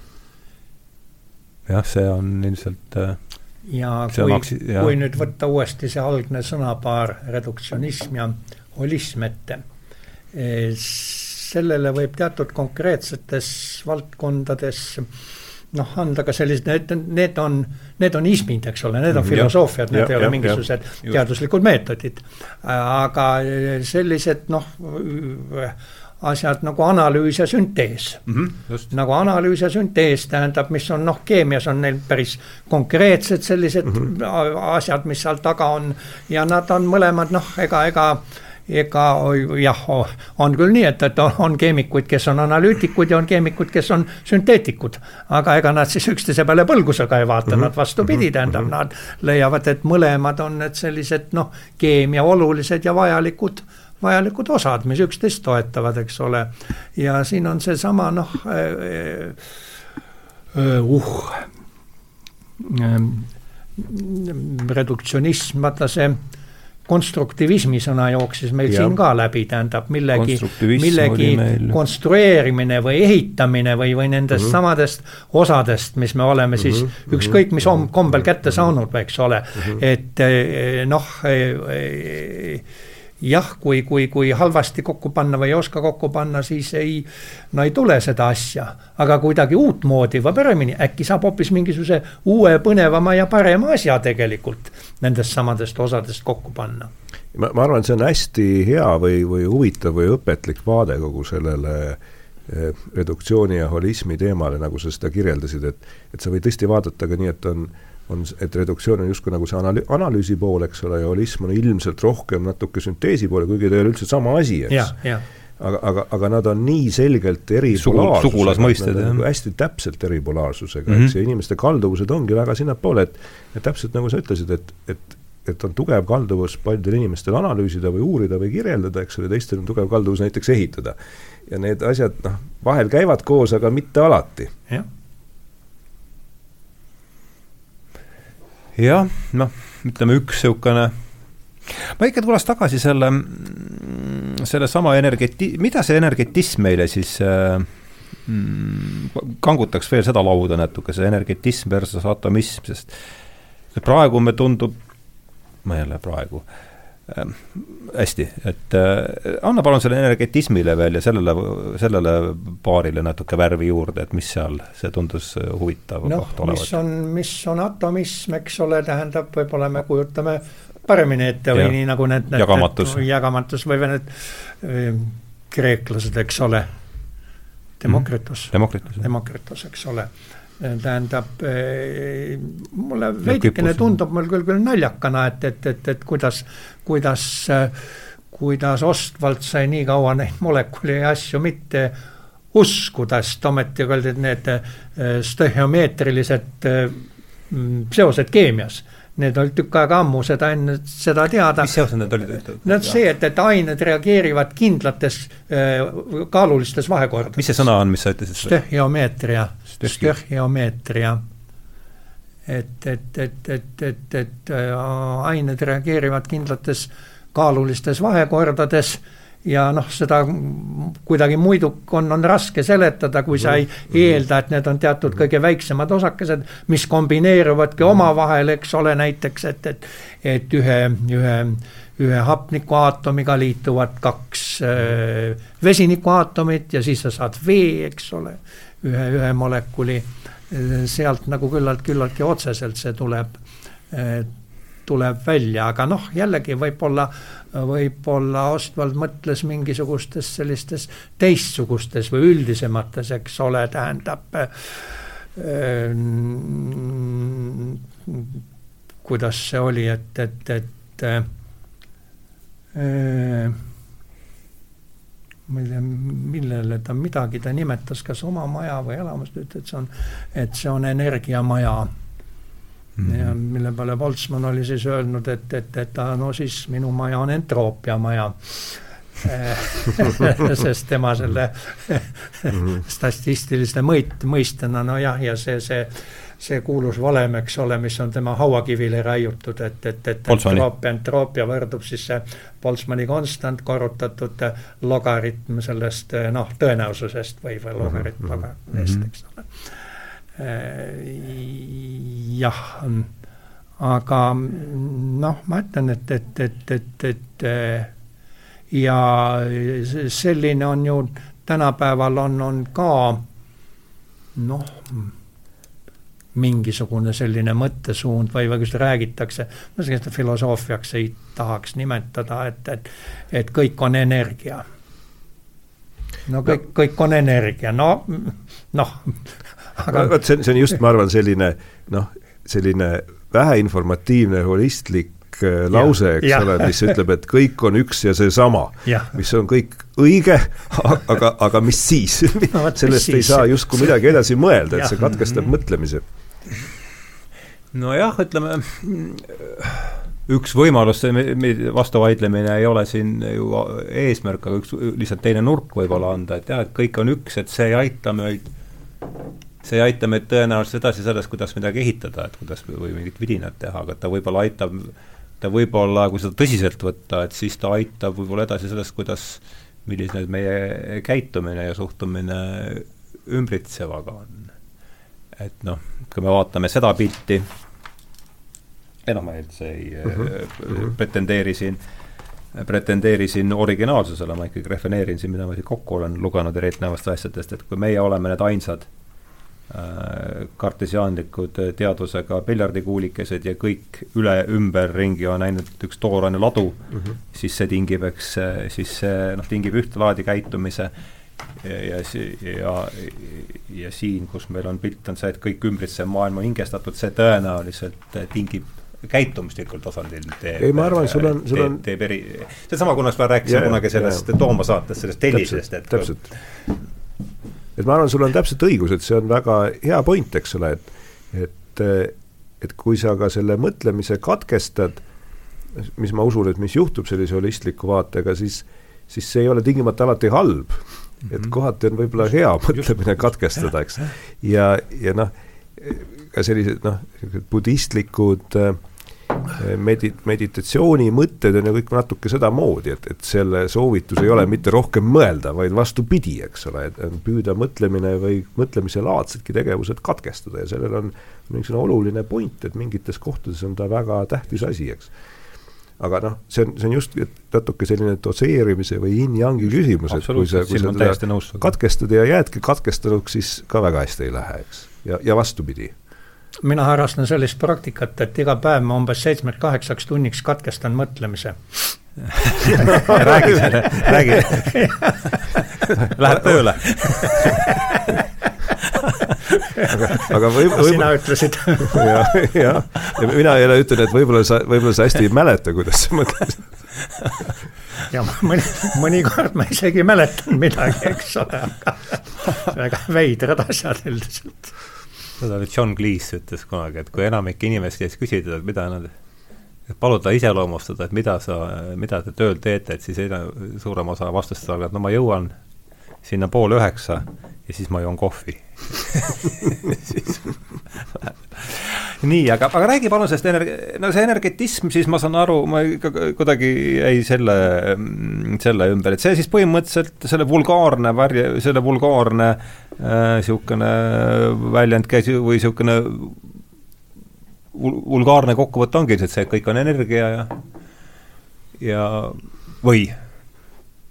nojah no midagi on seal ikka veel, ma arvan. no ikkagi... ma ütlen, see on vulgaarne karikatuur sellest asjast, aga jah, et ma ei, või jään täpsema vastuse sulle võlgu, tähendab, ma olen selle noh, teisipidi me küll, küll teame, et, et, et, et Ostwald oma Nobeli preemia sai, eks ole mm, -hmm. aga mitte energetismi kui sellise eest, vaid need on tema konkreetsed noh, keemilise ja keemilise geneetika ja, ja, ja, ja teened, teened noh, mis ütleb üldiselt seda, eks ole, et, et eks kui neid nobeliste vaadata, tähendab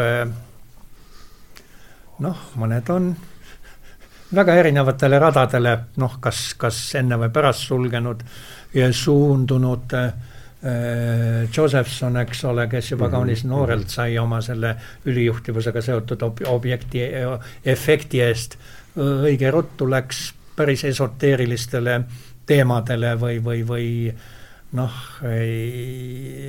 jah, eks no tal oli Nobel käest, ta ei pidanud enam no tal ei pidanud, ta, ta, ta, ta, tema võis endale kõike lubada, eks ole. Tema võis endale kõike lubada. mis see sõna on, tembel oli Vene, Vene sõjaväes, et sai, sai tembel jah, siis sa võisid ennast no on jah. Ja, mingis mõttes on see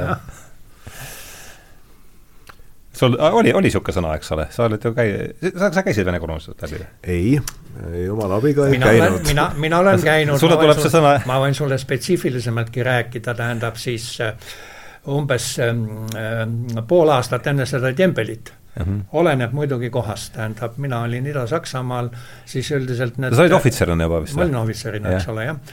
siis need noh, need tembelimehed need üldiselt ei tegelenud suuresti mida, millegi muuga kui sellise asja nagu Dembelski album. jah. igasugused fotod kleebiti sinna sisse. viimased pool aastat tuuniti seda. ja, ja, ja, ja eriline siis veel roodukunstnik väikse tasu eest kuidagi ilustas seda. see käis kõva, kõva albumi tuunimine käis. okei. et noh. no nagu kui me saadetega Vene sõjaväkke jõuame Hardo, siis, no, siis saab... ei ole põhja all. Värvik, aga no lihtsalt kuulajatele, kes ei ole mütoloogiaga kursis, tembel tähendas siis demobiliseeritust. demobiliseerimine. ja, ja siin oli jutt sellest, et kui Nobeli auhinna saad kätte, siis oled demobiliseeritud ja võid pärast seda tegeleda oma albumi äh,, albumi tuunimisega, olla siis? just nimelt, et et see tundub olevat küll jah, niisugune muster, et need, kes on ikkagi mingi tunnustuse kätte saanud, need äh, lähevad, hakkavad hälbima, hakkavad hälbima. ka sedapidi, eks ole, et, et nende hälbimisi me teame. Need mehed, kes on varem ära õige. hälbinud, nendest me eriti ei tea midagi. jah, ja, ja need, kes ei, ei, ei taha oma hälbimisest rääkida, see no, on oma, sellised ka veel, jah mm. -hmm aga nojah, mulle tundub jälle, et kui me räägime sellest energetismist ja selle, tuleme tagasi, paistsid haakuvad selle selgitusega sellest sind hakkas see sõna painama? ja, no mul noh, jah, ma, tundus huvitav just seesama, pigem, pigem kas huvi äratas see, et Oswald alles üheksa, millal see molekuli mõiste siis tuli üldse kasutusele? umbes no aatom on, eks ole, juba läheb Kreekasse välja aatom läheb Kreekasse välja, no ega mis see aatom, aatom-molekul, ega seal nii väga suurt, ei, suurt vahet ei ole. kontseptuaalset vahet ei ole, eks ole, mõlemad on pisim, pisimad aineosakesed, eks ole, tähendab, eks need, eks need aatomidki kuidagi kombineerusid ja, ja just, just, just see, see kõik ja, ju toimus sellega. aga, aga, aga, aga noh, ma ütlen, et need, et see keemiline stehiomeetria, see nagu, nagu ikka ikka mõneti varem juba kui tuhande üheksasaja kaheksandal aastal võis, võis või, või pidi, pidi mõtted sellele mm, sellele viima.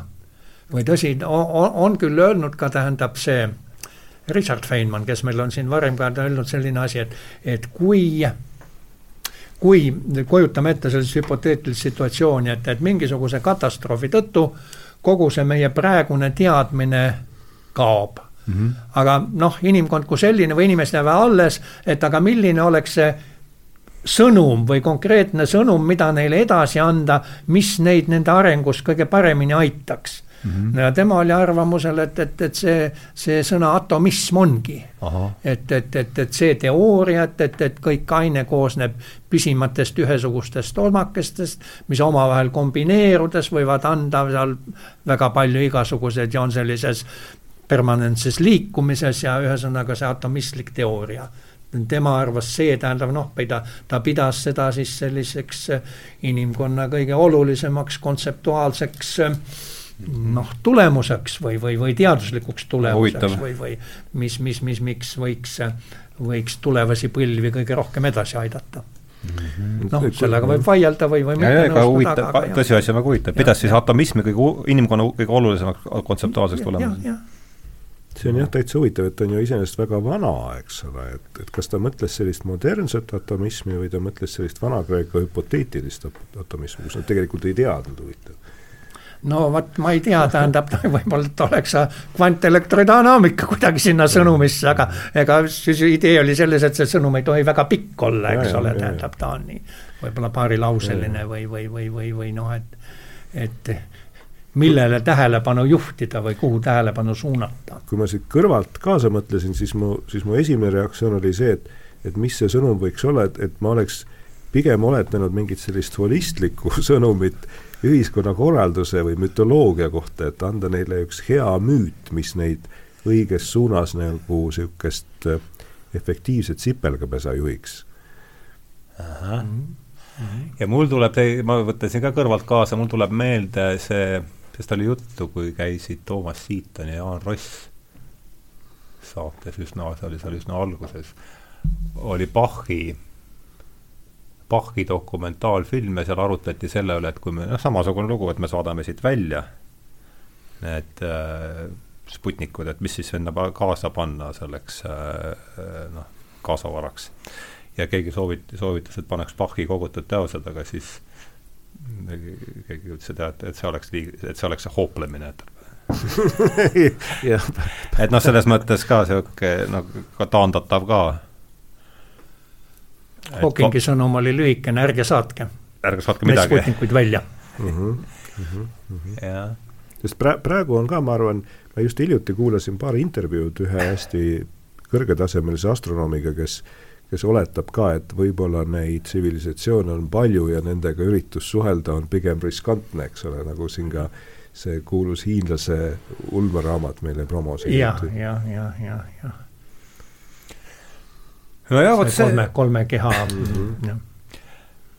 et no Sheldrake'i nimi käis siit läbi ja, ja, ja mis seal salata, eks ta on paljuski mind pannud nendele teemadele mõtlema, aga üks, võib-olla kui nüüd läks selle Sputnikute kola väljasaatmise peale üldse jutt, et siis võib-olla üks esimesi lauseid, mis üldse mind sundis kuulama, oli see, et et kui me nüüd otsime hästi, et me me kulutame ikkagi väga märkimisväärseid summasid selleks, või noh, meie, aga ütleme inim-, inimsugu, selleks, et saata siin neid, si- otsida maavälist äh, äh, maaväliseid tsivilisatsioone, aga et noh, palju meil on siin selle oma galaktika piirini, kas ma võin siin eksida mitu, mitu valgusaastat? kas keskel on mingisugune kakskümmend tuhat äkki või, või ta noh, ühesõnaga ma ei mäleta. Andromeda on vist mingi poolteist miljonit või, või mingit, mingit Okei, sugust- jah, okei. jah, jah, jah. no võtame, võtame äh, suuruse,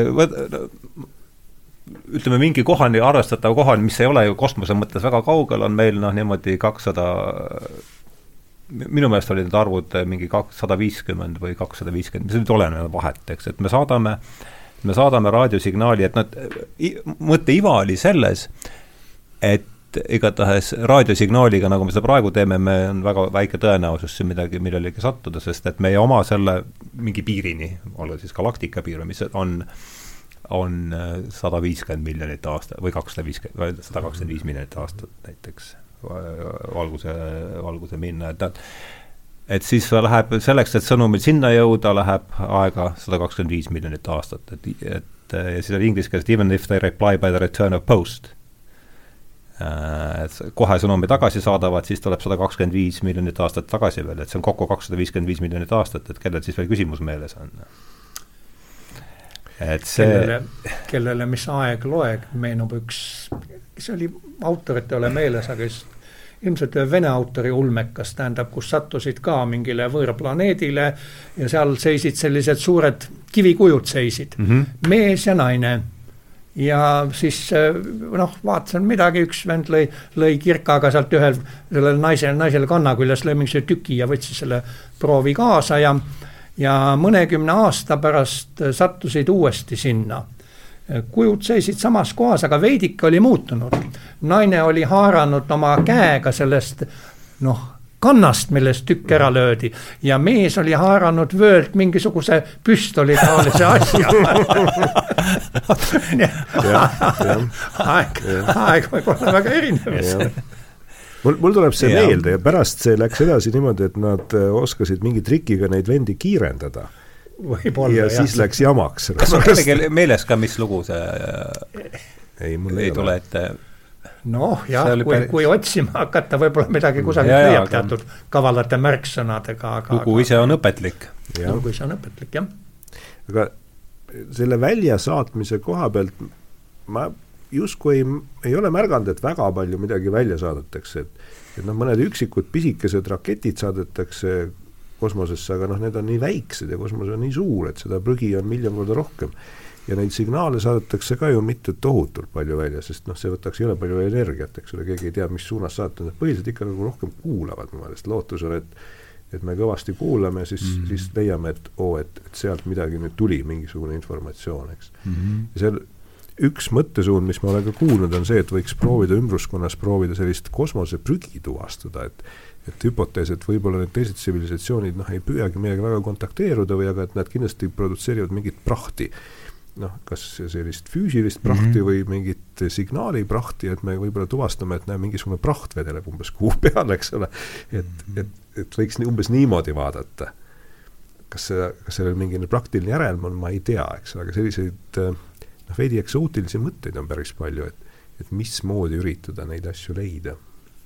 No muistsete linnade prügimägedel tuhnimine on ju arheoloogidele oi kui palju andnud, eks ole, selle äh, kunagise elu kohta.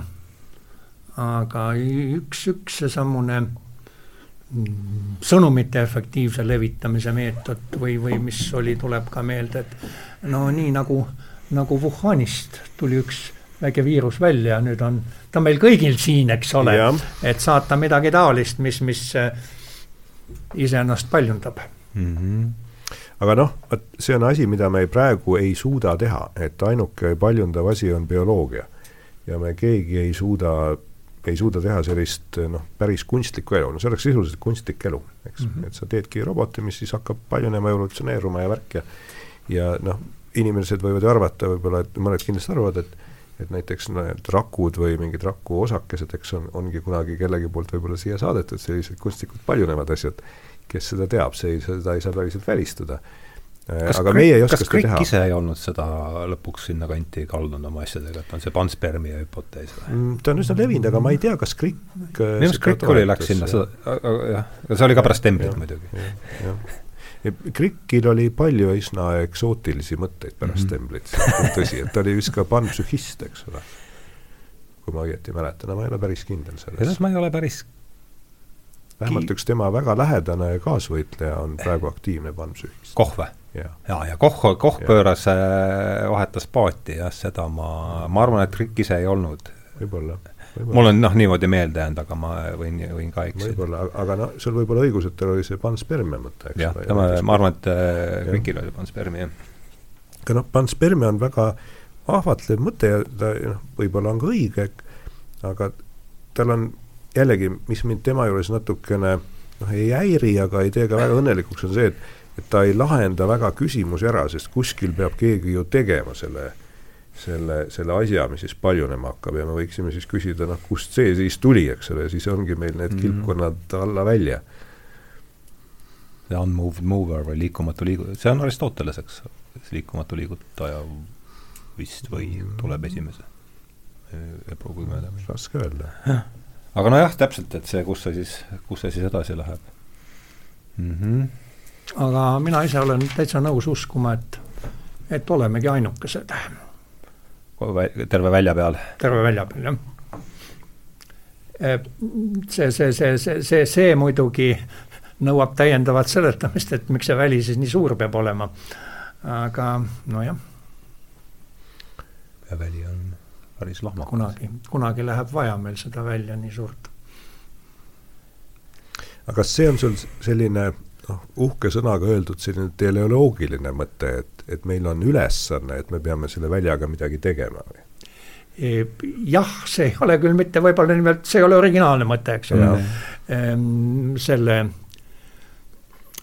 Mihhail Velleri peale viitan, eks ole, tähendab, tema oli see energoevolutsionism oli vist see, energoevolutsionism oli Mihhail seda, tema jah filosoofiline teooria, mis, mis, mis siis äh, väitis seda, et, et, et inimkonna arengu selline ultimatiivne eesmärk on ta, et ta järjest suuremaid energiaressursse hakkab hõlvama noh, planeedi piires äh, tähesüsteemi piires, galaktika piires, aga lõppkokkuvõttes peab ta siis uue suure paugu korraldama. kas see oli energoevolutsionism see? energoevolutsionism, jah. Eh, aga, aga nüüd see suur pauk on selline, tundub justkui selline tsükliline asi, et sa hävitad kõik ära ja teed uue maailma sellise igavesel pöörleva rattaga, kas ta mõtles seda niimoodi või ta mõtles nagu India selle poole, eks ole. või ta mõtles seda konstruktiivselt, sa võid ka mõelda niimoodi, et sul tekivad nagu uued tasemed, et näiteks kui sa noh, mis, mis on praegusel, ma arvan, natuke analoogiline mõttesuund, et kui kunagi oli energia kohutavalt popp, siis nüüd on rehkendamine kohutavalt popp mm, -hmm. eks ole. ja, ja noh, selline rehkendajate loomulik mõte on umbes see, et et inimene peaks siis püüdma teha kõvemaid rehkendajaid, eks, umbes nagu, nagu kunagi öeldi, et peaks tegema kõvemat energiat. Et proovime kogu maailma muuta niisuguseks võimsaks rehkendajaks, eks, ja siis, kui me seda teeme, et siis noh, võib-olla me rehkendame välja mingisuguse uue taseme. Ja ma ise näiteks noh, vaata nagu sul oli, oli kalduvus, eks ole eh,, mõelda umbes, et me peame selle väljaga midagi tegema, siis mul on kalduvus natuke mõelda, et me peaksime tekitama uue, uue liigi või uue tsivilisatsiooni või sellise võimsama võimsama organismi, et me oleme ka nagu noh, sellised rakud, mis teevad nagu järgmise taseme organismi ja, ja see rehkendamine on selle tegevus, eks ole, see on jällegi selline nagu mütoloogiline mõtteviis, me ei tea, kas see mhm. tegelikult Aga nii on. see mulle on küll väga sümpaatne mõtteviis, tähendab, sest noh, lõppeks äh, midagi peab see tähendama kõik, mis siin toimub, eks ole. ja huvitav, et me triivisimegi siia, ma tahtsin just mõt-, vaatasin siin kella ja mõtlesin, et noh, okei okay,, et me kusagil paarikümne minuti peale pärast peaks hakkama selle otsi kokku tõmbama ja, ja ma jõudsin umbes samasse kohta, et et üks võimalus äh, siis seda nüüd tulla tagasi nende vastandipaaride juurde, reduktsionism ja holism, et üks on noh, üks on niisugune galilealik mõtlemine, et olemas on ainult see, millele saab joonlaua peale panna ja teine justkui vaadata holismi, holistlikule poolele, et see just niisugune mütoloogiline, mütoloogiline mõtlemine. et, äh, et kas sellega oskate kuidagi, et kui me nüüd räägime, tulla tagasi selle Luteri ja Descartesi ja sealt edasi Galileo peale, et tundub, et niisugune noh, teadvustamata metafüüsiline olet-, oletus meie ka kaasaegse teaduse all on see, et olemas on ainult see, mida saab mõõta. kas te sellega olete nõus või on see liigne karikatuur mis sa, Jaak, arvad? minule tundub, et see vist praegu enam väga ei, vähemalt füüsikute hulgas vist ei päde, aga ma ei ole ka füüsik. aga selle räägi... koha pealt tuleb meelde, tähendab, see oli vist Daniel Keelmann, jah, maailma mõõtmine. jah, täpselt, suurepärane raamat. kus, kus, kus, kus äh, kas oli vist niimoodi, et, et see oli vendade Humboldtite matemaatikaõpetaja, kes neile ütles, et kui midagi tundub hirmuäratavana mm, -hmm. siis tuleb seda mõõta mm. -hmm. ja kui sa saad talle mingid sellised karakteristikud piiridesse pandud, eks ole mm, -hmm. no mhm. siis ta ei ole enam mhm. selline mingisugune nurgas, nurgas varitsev äh, äh, määramatu koll või, või mm -hmm. ei tea, mis ta on, eks, aga kui me juba temast midagi noh, saame mingid mõõdud, teame, siis see juba noh, aitab meid üldiselt temaga, temaga lävimisel või, või, või, või, või toimimisel. nüüd see teisipidi ka muidugi, et, et, et noh, et, et ei, muidugi ei ole, ole füüsikud kas seda meelt, et, et kõikidele saab saab joonlaua peale panna või no õigemini küsimus ongi selles, eks ole, et e, füüsika on ju, ju eksperimentaalfüüsika ja on, on, on teoreetiline füüsika. Üks probleem ongi selles, et, et, et teooria on nii kaugele ette jooksnud mingites valdkondades, et noh, ei ole enam seda joonlauda, mida sinna peale panna, et siis mõõta, vaadata, eks ole, võrrelda ja valida, millised teooriad, teooriad õiged on. noh, siis ongi mingisugused sellised seesmised kriteeriumid, et, et, et noh, kas, kas lihtsus või, või ökonoomsus või matemaatiline ilu või mida on ka muidugi palju rünnatud, on, on öeldud ka, et, et ei, et see on, see on väär arusaam, et, et, et see füüsika või et see, see ilus peab olema, ei pea olema ilus, eks ole, tähendab ta noh, peab, peab asju, asju kirjeldama, aga aga see konkreetne probleem on jah, et, et, et, et, et nii-öelda mõte, mõte on ennast füüsika vallas eksperimendivõimalustest noh, palju, palju ette rebinud, eks ole, ja seetõttu on seal niisugune mm.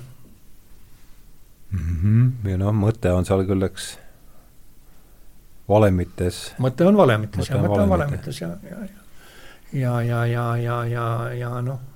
mis tähendab, see mõte on eksaktne see mõte on eksaktne jah, ja, ja, ja noh, muidu, muidu me ei saa nagu füüsikast väga rääkida või, või, või muidu oleme mütoloogias. muidu tuleb muudest asjadest rääkida, mis ei, ei ole ka mitte, noh, ma ei taha midagi halba öelda nende muude asjade kohta, aga aga see ei ole siis enam füüsika spetsiifika ja see, nagu sa kirjeldad, eks kõlab mulle natuke sellise ehituslaadi tegevusena, nagu mm -hmm. me mhm. siin varem arutasime, et et, et me ehitame sellise teooria konstruktsiooni, millest võib-olla on kunagi kasu sellise masinana, aga võib-olla ka ei ole, me täpselt ei tea, eks, võib-olla tema tükkidest on kasu. et me ei analüüsi midagi, me ei mõõda midagi, aga me ehitame konstruktsiooni, kas see on umbes nii, võib seda mõelda? võib, võib küll nii mõelda, võib nii mõelda ja tähendab noh, ka, ka niimoodi, et, et, et, et, et me paneme kokku mingisuguse teooria mis sellisena ehk ei töötagi, aga me oleme seal kasutanud välja ära mingisuguseid niisuguseid juppe või, või mm -hmm, asju mm, -hmm. millest annab midagi muud mõistlikku kokku Just. panna või mis töötavad mõnes mm, -hmm. mõnes teises kohas väga hästi, seda, seda kindlasti, eks selliseid näiteid võib, võib ajaloost ka leida. No, matemaatika on ju täpselt see, mis ainult seda teebki, eks. ta ehitabki selliseid konstruktsioone, millest enamasti polegi mingit kasu, aga nende tükkidest vahel on, eks ja. ja väga raske on ennustada, millest on kunagi mingit kasu, aga seal taga ei mingi ole sellise asja ehitamiseks võib sedalaadi mõtlemisega olla kasu, just, just, just, just. ja seal taga ei ole mingit mateeriat, keegi ei püüagi öelda, et seal on, on mingi reaalsus taga, et see ei ole üldse, noh, see, sa ei üldse ei mõtlegi niimoodi, sa lihtsalt ainult ehitad tühjast kohast mm. -hmm. mul siin tuli, tuli ka siin enne mõtleks üks selline äh, holistiline või kuidas öelda, ei, päris konkreetne konstru- mm., konstruktsioon tähendab, mida ka füüsikas kasutatakse, et, et, et teil on lõpmatu elektriahel.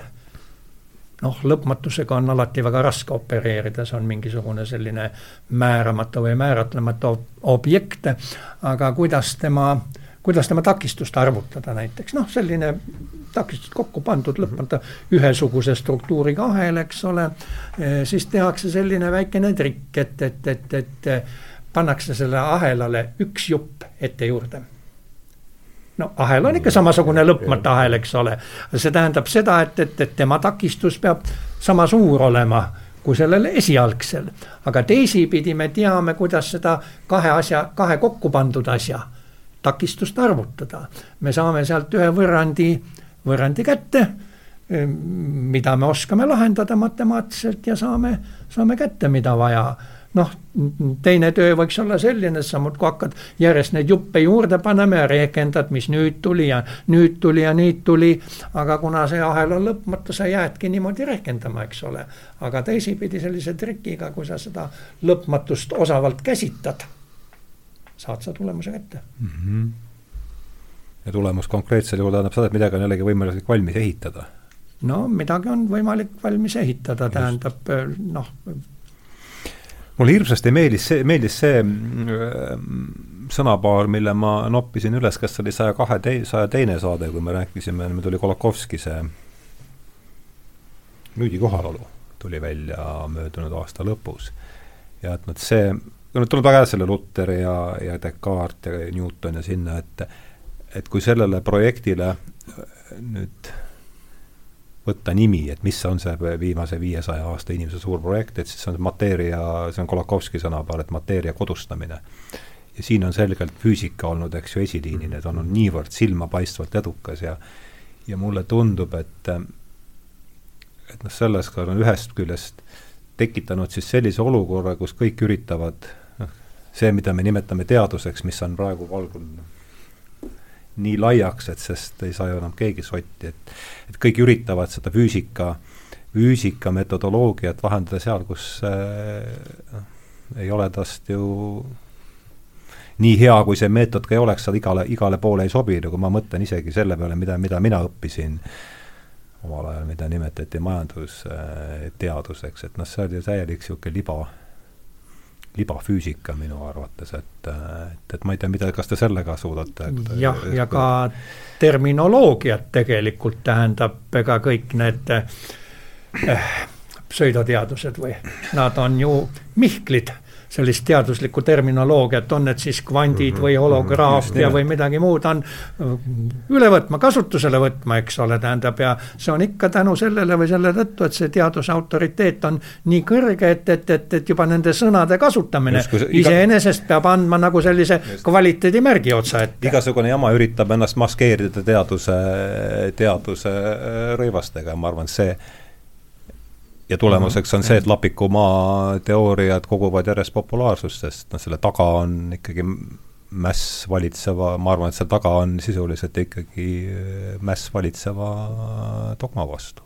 nii näen mina seda asja. jah, ja, ja, ja kas sa näed seda dogmat, ma isegi nagu seda dogmat nii palju ei taju, võib-olla see on seal, et et ma tajun seda võib-olla lihtsamalt sellise mässuna ühiskonna ja selle, selle igatpidi valitseva ebavõrdsuse ja ebakindluse ja sellise ja. klassikalise sotsiaalse mure mm, -hmm. mis käib üles-alla, eks ole, kogu aeg ajaloos selle vastu ja, ja noh, sellega seostuvad, eks ole, igasugused dogmad, et sellega Just. seostuvad asjad, mis on selle sümbolid. ja, ja, ja kui ma ütlen dogma, ega ma see, ma ei, ma ei pane sellele tingimata mingit sellist negatiivset märki, kuigi selge see, et mingit, et me ei saa ju maailma iga hetk hommikul hakata kõik jälle otsast peale avastama, et meil mingit dogma on ju vaja mõneks ajaks, aga et et eks küsimus on ka selles, kuidas me neid ümber vaatame ja, ja, ja mismoodi me seda teeme, aga et noh, jah, jällegi see Sheldrake'i nimi on siin mitu korda läbi tulnud, et teda on nüüd tembeldatud äh, siin pseudoteadlaseks ja, ja palju teisi, aga nagu ma mõtlen nüüd kas või oma äh,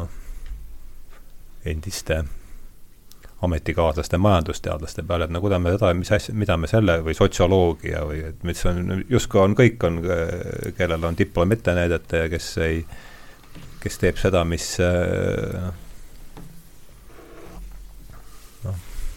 Kuna, kuna meie ei et, ole vaat õppinud majandust ja sotsioloogiat, siis me peaks olema natuke ettevaatlikud, et hakata ütlema negatiivset aga no te saate aru vähemasti mu no, väga hästi aru sellest, sellest jah, et ega ma ei arvagi, et te peaksite siin nüüd minuga hakkama kaasa praalima ja aga noh, sa saad vähemasti aru, millest, millest ma räägin.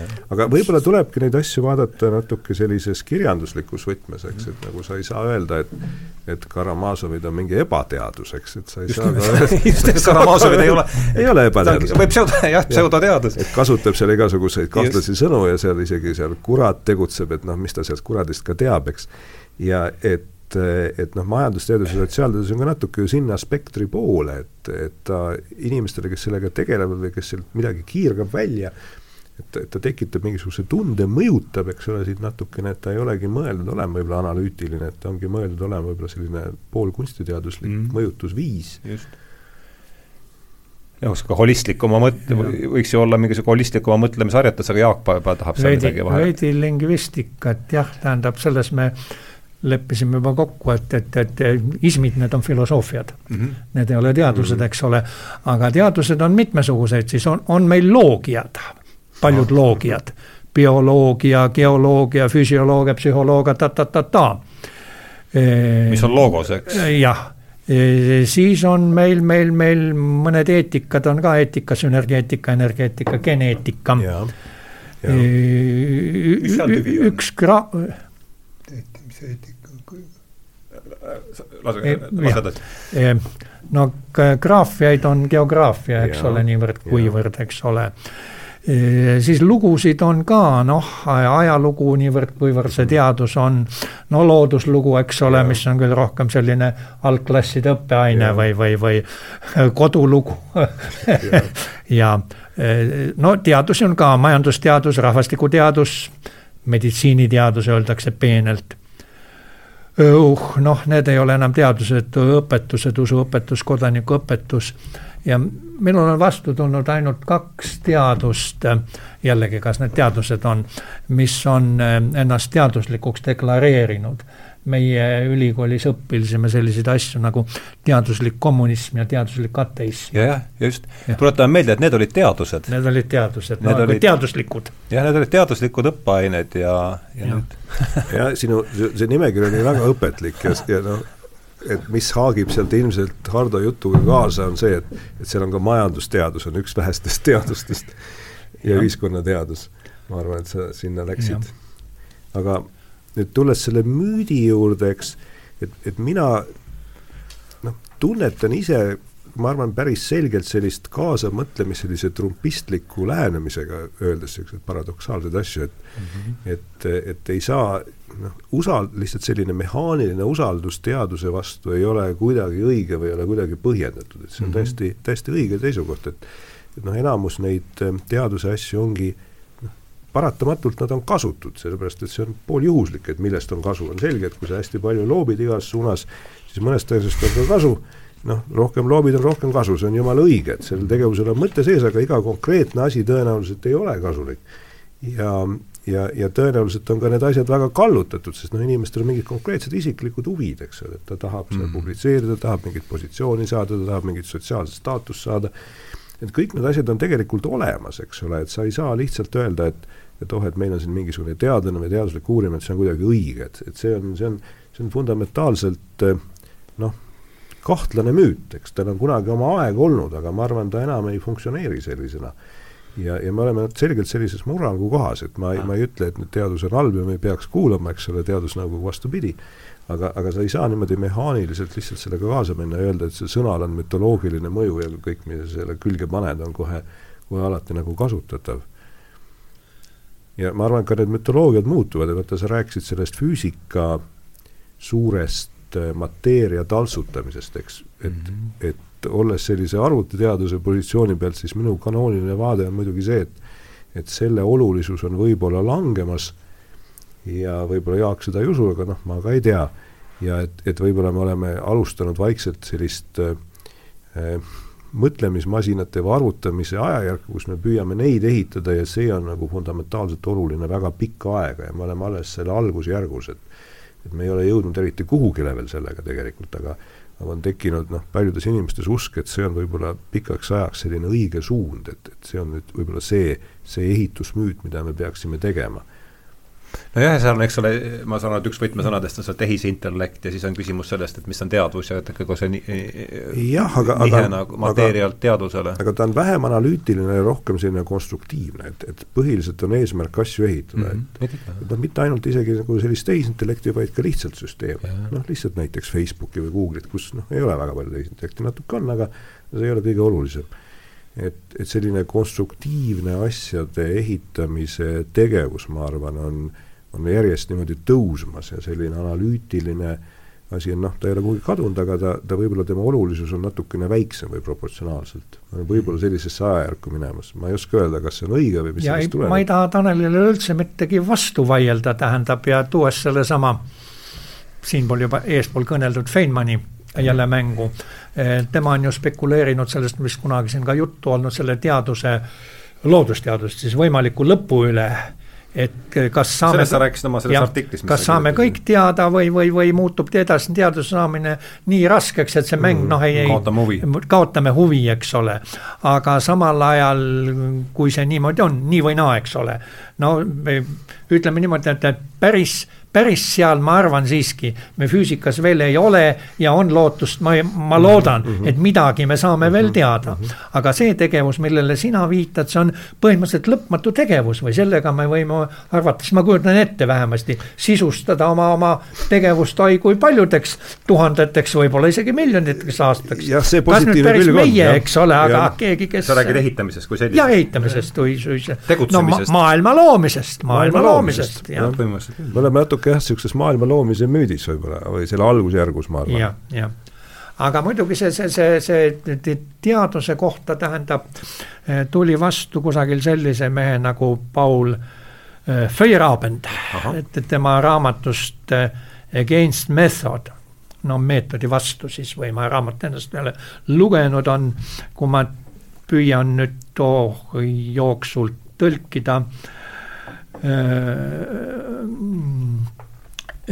tähendab, teaduslikud institutsioonid, uurimisprogrammid, ettepanekud peavad seetõttu olema allutatud ühiskondlikule kontrollile. seal peab olema riigi ja teaduse lahusus mm, -hmm. umbes nii, nagu meil on praegu eh, riigi ja usu, religiooni lahusus mm. -hmm. no see on päris karm seisukohavõtt, eks ole, aga niisugused mõtted on välja öeldud, et eh, ja teadust tuleb õpetada kui ühte, ühte võimalikku, aga mitte ainukest eh, teed tõeni mm -hmm.. noh Need ei ole sõnad, millele ma alla kirjutan, eks ole, need, aga, aga need sõnad on välja öeldud. ütle palun, mis aastal see äh, Against Method on umbes? Against Method, see ei, ei, ei, ei küsi midagi lihtsat. las olla, ma selle saan pärast järele vaadata. aga see on huvitav jah mm. -hmm jah, see nii poole sõna pealt või see poole lause pealt mul tuli kohe see kiriku ja äh, kiriku ja riigi äh, paralleel kohe, et noh, mingis mõttes veel, veel de facto on teadus astunud sinna asemele, kus ja, äh, varem kirik, teadusbürokraatia astunud selle asemele, kus varemini oli kiriklik bürokraatia. üks selline natuke sarnane, hästi radikaalne asi, aga ta vist ei ole sellest dimensioonist pärit, on on, on see Austria majandusteaduse koolkonna von Misese mm -hmm. arvamus, et muuhulgas ka äh, kooliharidus tuleks riigist eraldada ja mitte seda finantseerida. Seal olid väga intensiivsed põhjendused, miks see nii peaks olema. no sellele ma ka kuidagi alla ei kirjutaks, ma arvan, enamasti keegi ei kirjutaks sellele alla, aga aga noh, ka seal on võib-olla mingisugused mõtted. no nad on ka suguluses, need mõtted äh, ja ja on arendatud ka sellist analoogiat, et, et, et kui kunagi kasvas seesamune institutsionaal, institutsionaalne kirik mm -hmm. kasvas selles esialgse jumaliku ilmutuse ümber, eks -hmm. ole mm, -hmm. ja palju sellest ilmutisest seal sees enam alles on või palju teda jagatakse või niimoodi, aga institutsioon kui selline, et on avaldatud kartust või kahtlust, et kas teadusega ka midagi taolist ei või toimuda, et et tema ümber kasvab selline võimas bürokraatlik süsteem mm, -hmm. eks ole, sa mm, poole oma ajast teadlasena mm -hmm. kirjutad -hmm. granditaotlusi ja teise poole kirjutad aruandeid, eks ole mm, -hmm. ja, ja sinna vahepeale nagu väga midagi ei jäägi.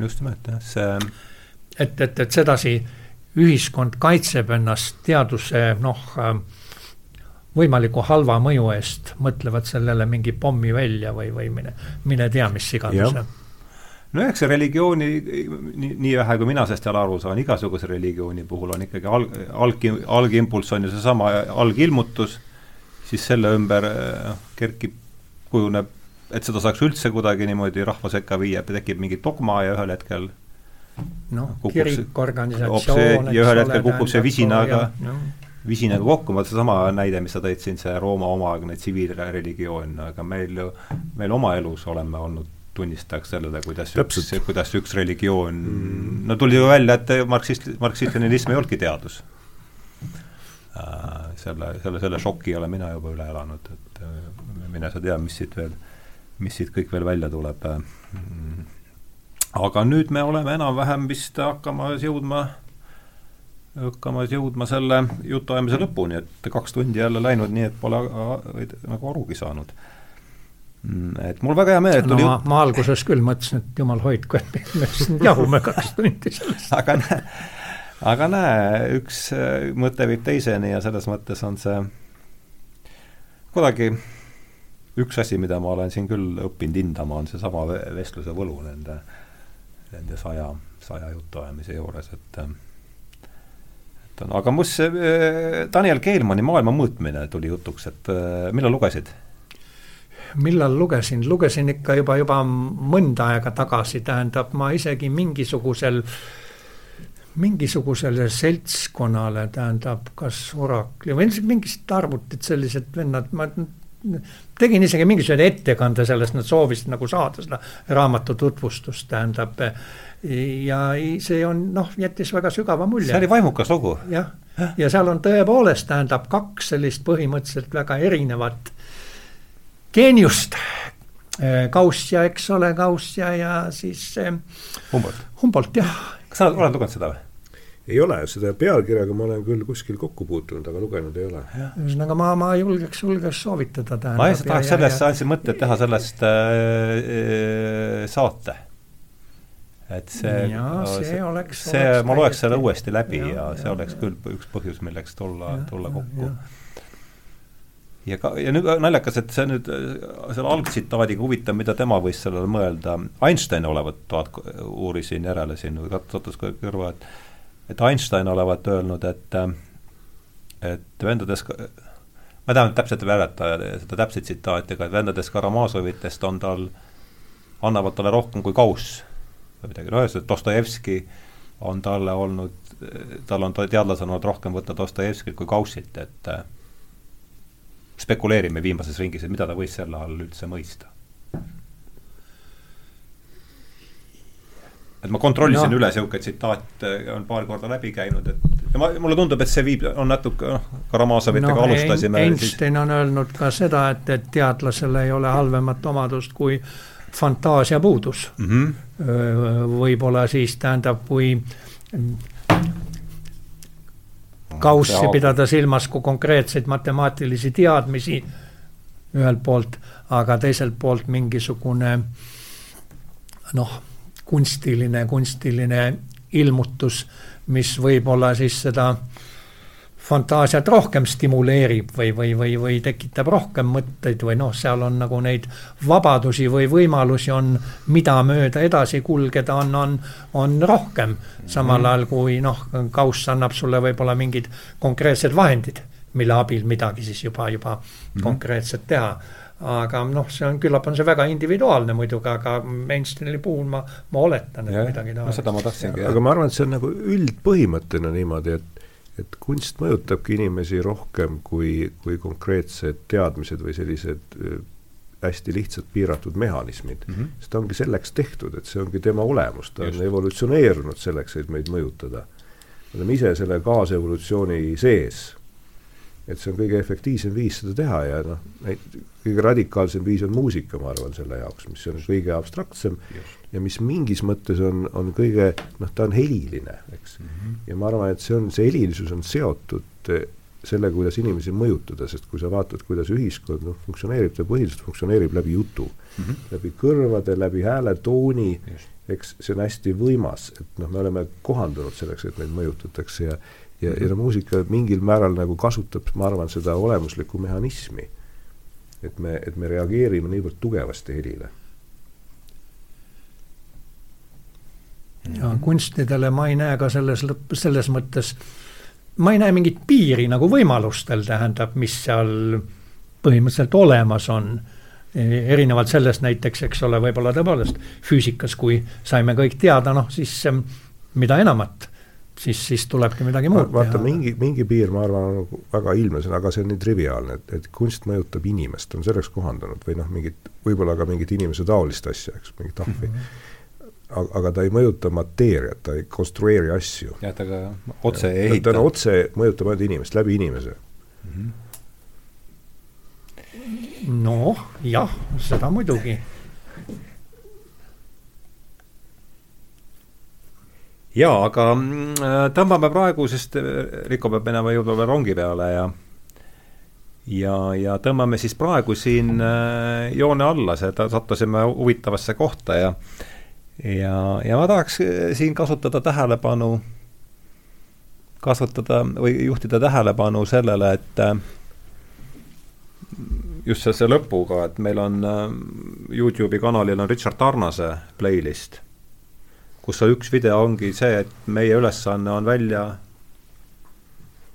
kannatada kujutlusvõime teoreetilise ranguse vaheline pinge, et mulle tundub, et see võtab selle, võtab selle jutuajamise nagu sisu minu arvates päris, ma ei tea, kas, kuidas see mõte teile tundub, et ei ole? tundub päris tugev mõte. mulle tundub ka, et see kuidagi me sinna, kuidagi me sinna nagu kokkuvõtvatena ridadena võib-olla tänasel vestlusel ei olegi üldse halb, halb, halb lause järsku. aga ma tänan teid, Tanel ja Jaak, saatesse tulemast, et teiega on alati rõõm. ah soo, mis, mis raamat meil laua peal oli, alati peab raamat ja, ja see oli esialgne. see oli esialgne mõte. see oli esialgne plaan, jah. esialgne plaan, aga, aga see siin käsitletud teemad, eks ole, nad seonduvad nende juttudega. ja me tuleme selle juurde kindlasti ja, veel, kindlasti ja. veel tagasi, et et aitäh teile tulemast saatesse ja tõesti oli rõõm, oli rõõm jälle lobiseda ja teeme seda jälle ja, ja üks konkreetne mõte tulla, tulla selle Daniel Keelmani raamatu juurde. see on hea mõte. see on hea mõte, jah. kuule hästi, aitäh ja, ja siis äh, tõmbame joone alla, aitäh kuulamast ja järgmist äh, aa, teisipäeval on juba otsesalvestus, tulevad kaks teoloogi, Tauri Tölpt ja, ja Arne Hiiop ja räägime siis äh vendade Karamazovite äh, juhtmõttest milleks on siis, siin praegu on äh, tähendamissõna, tähendamissõna nisuterast. nii et äh, teisipäevani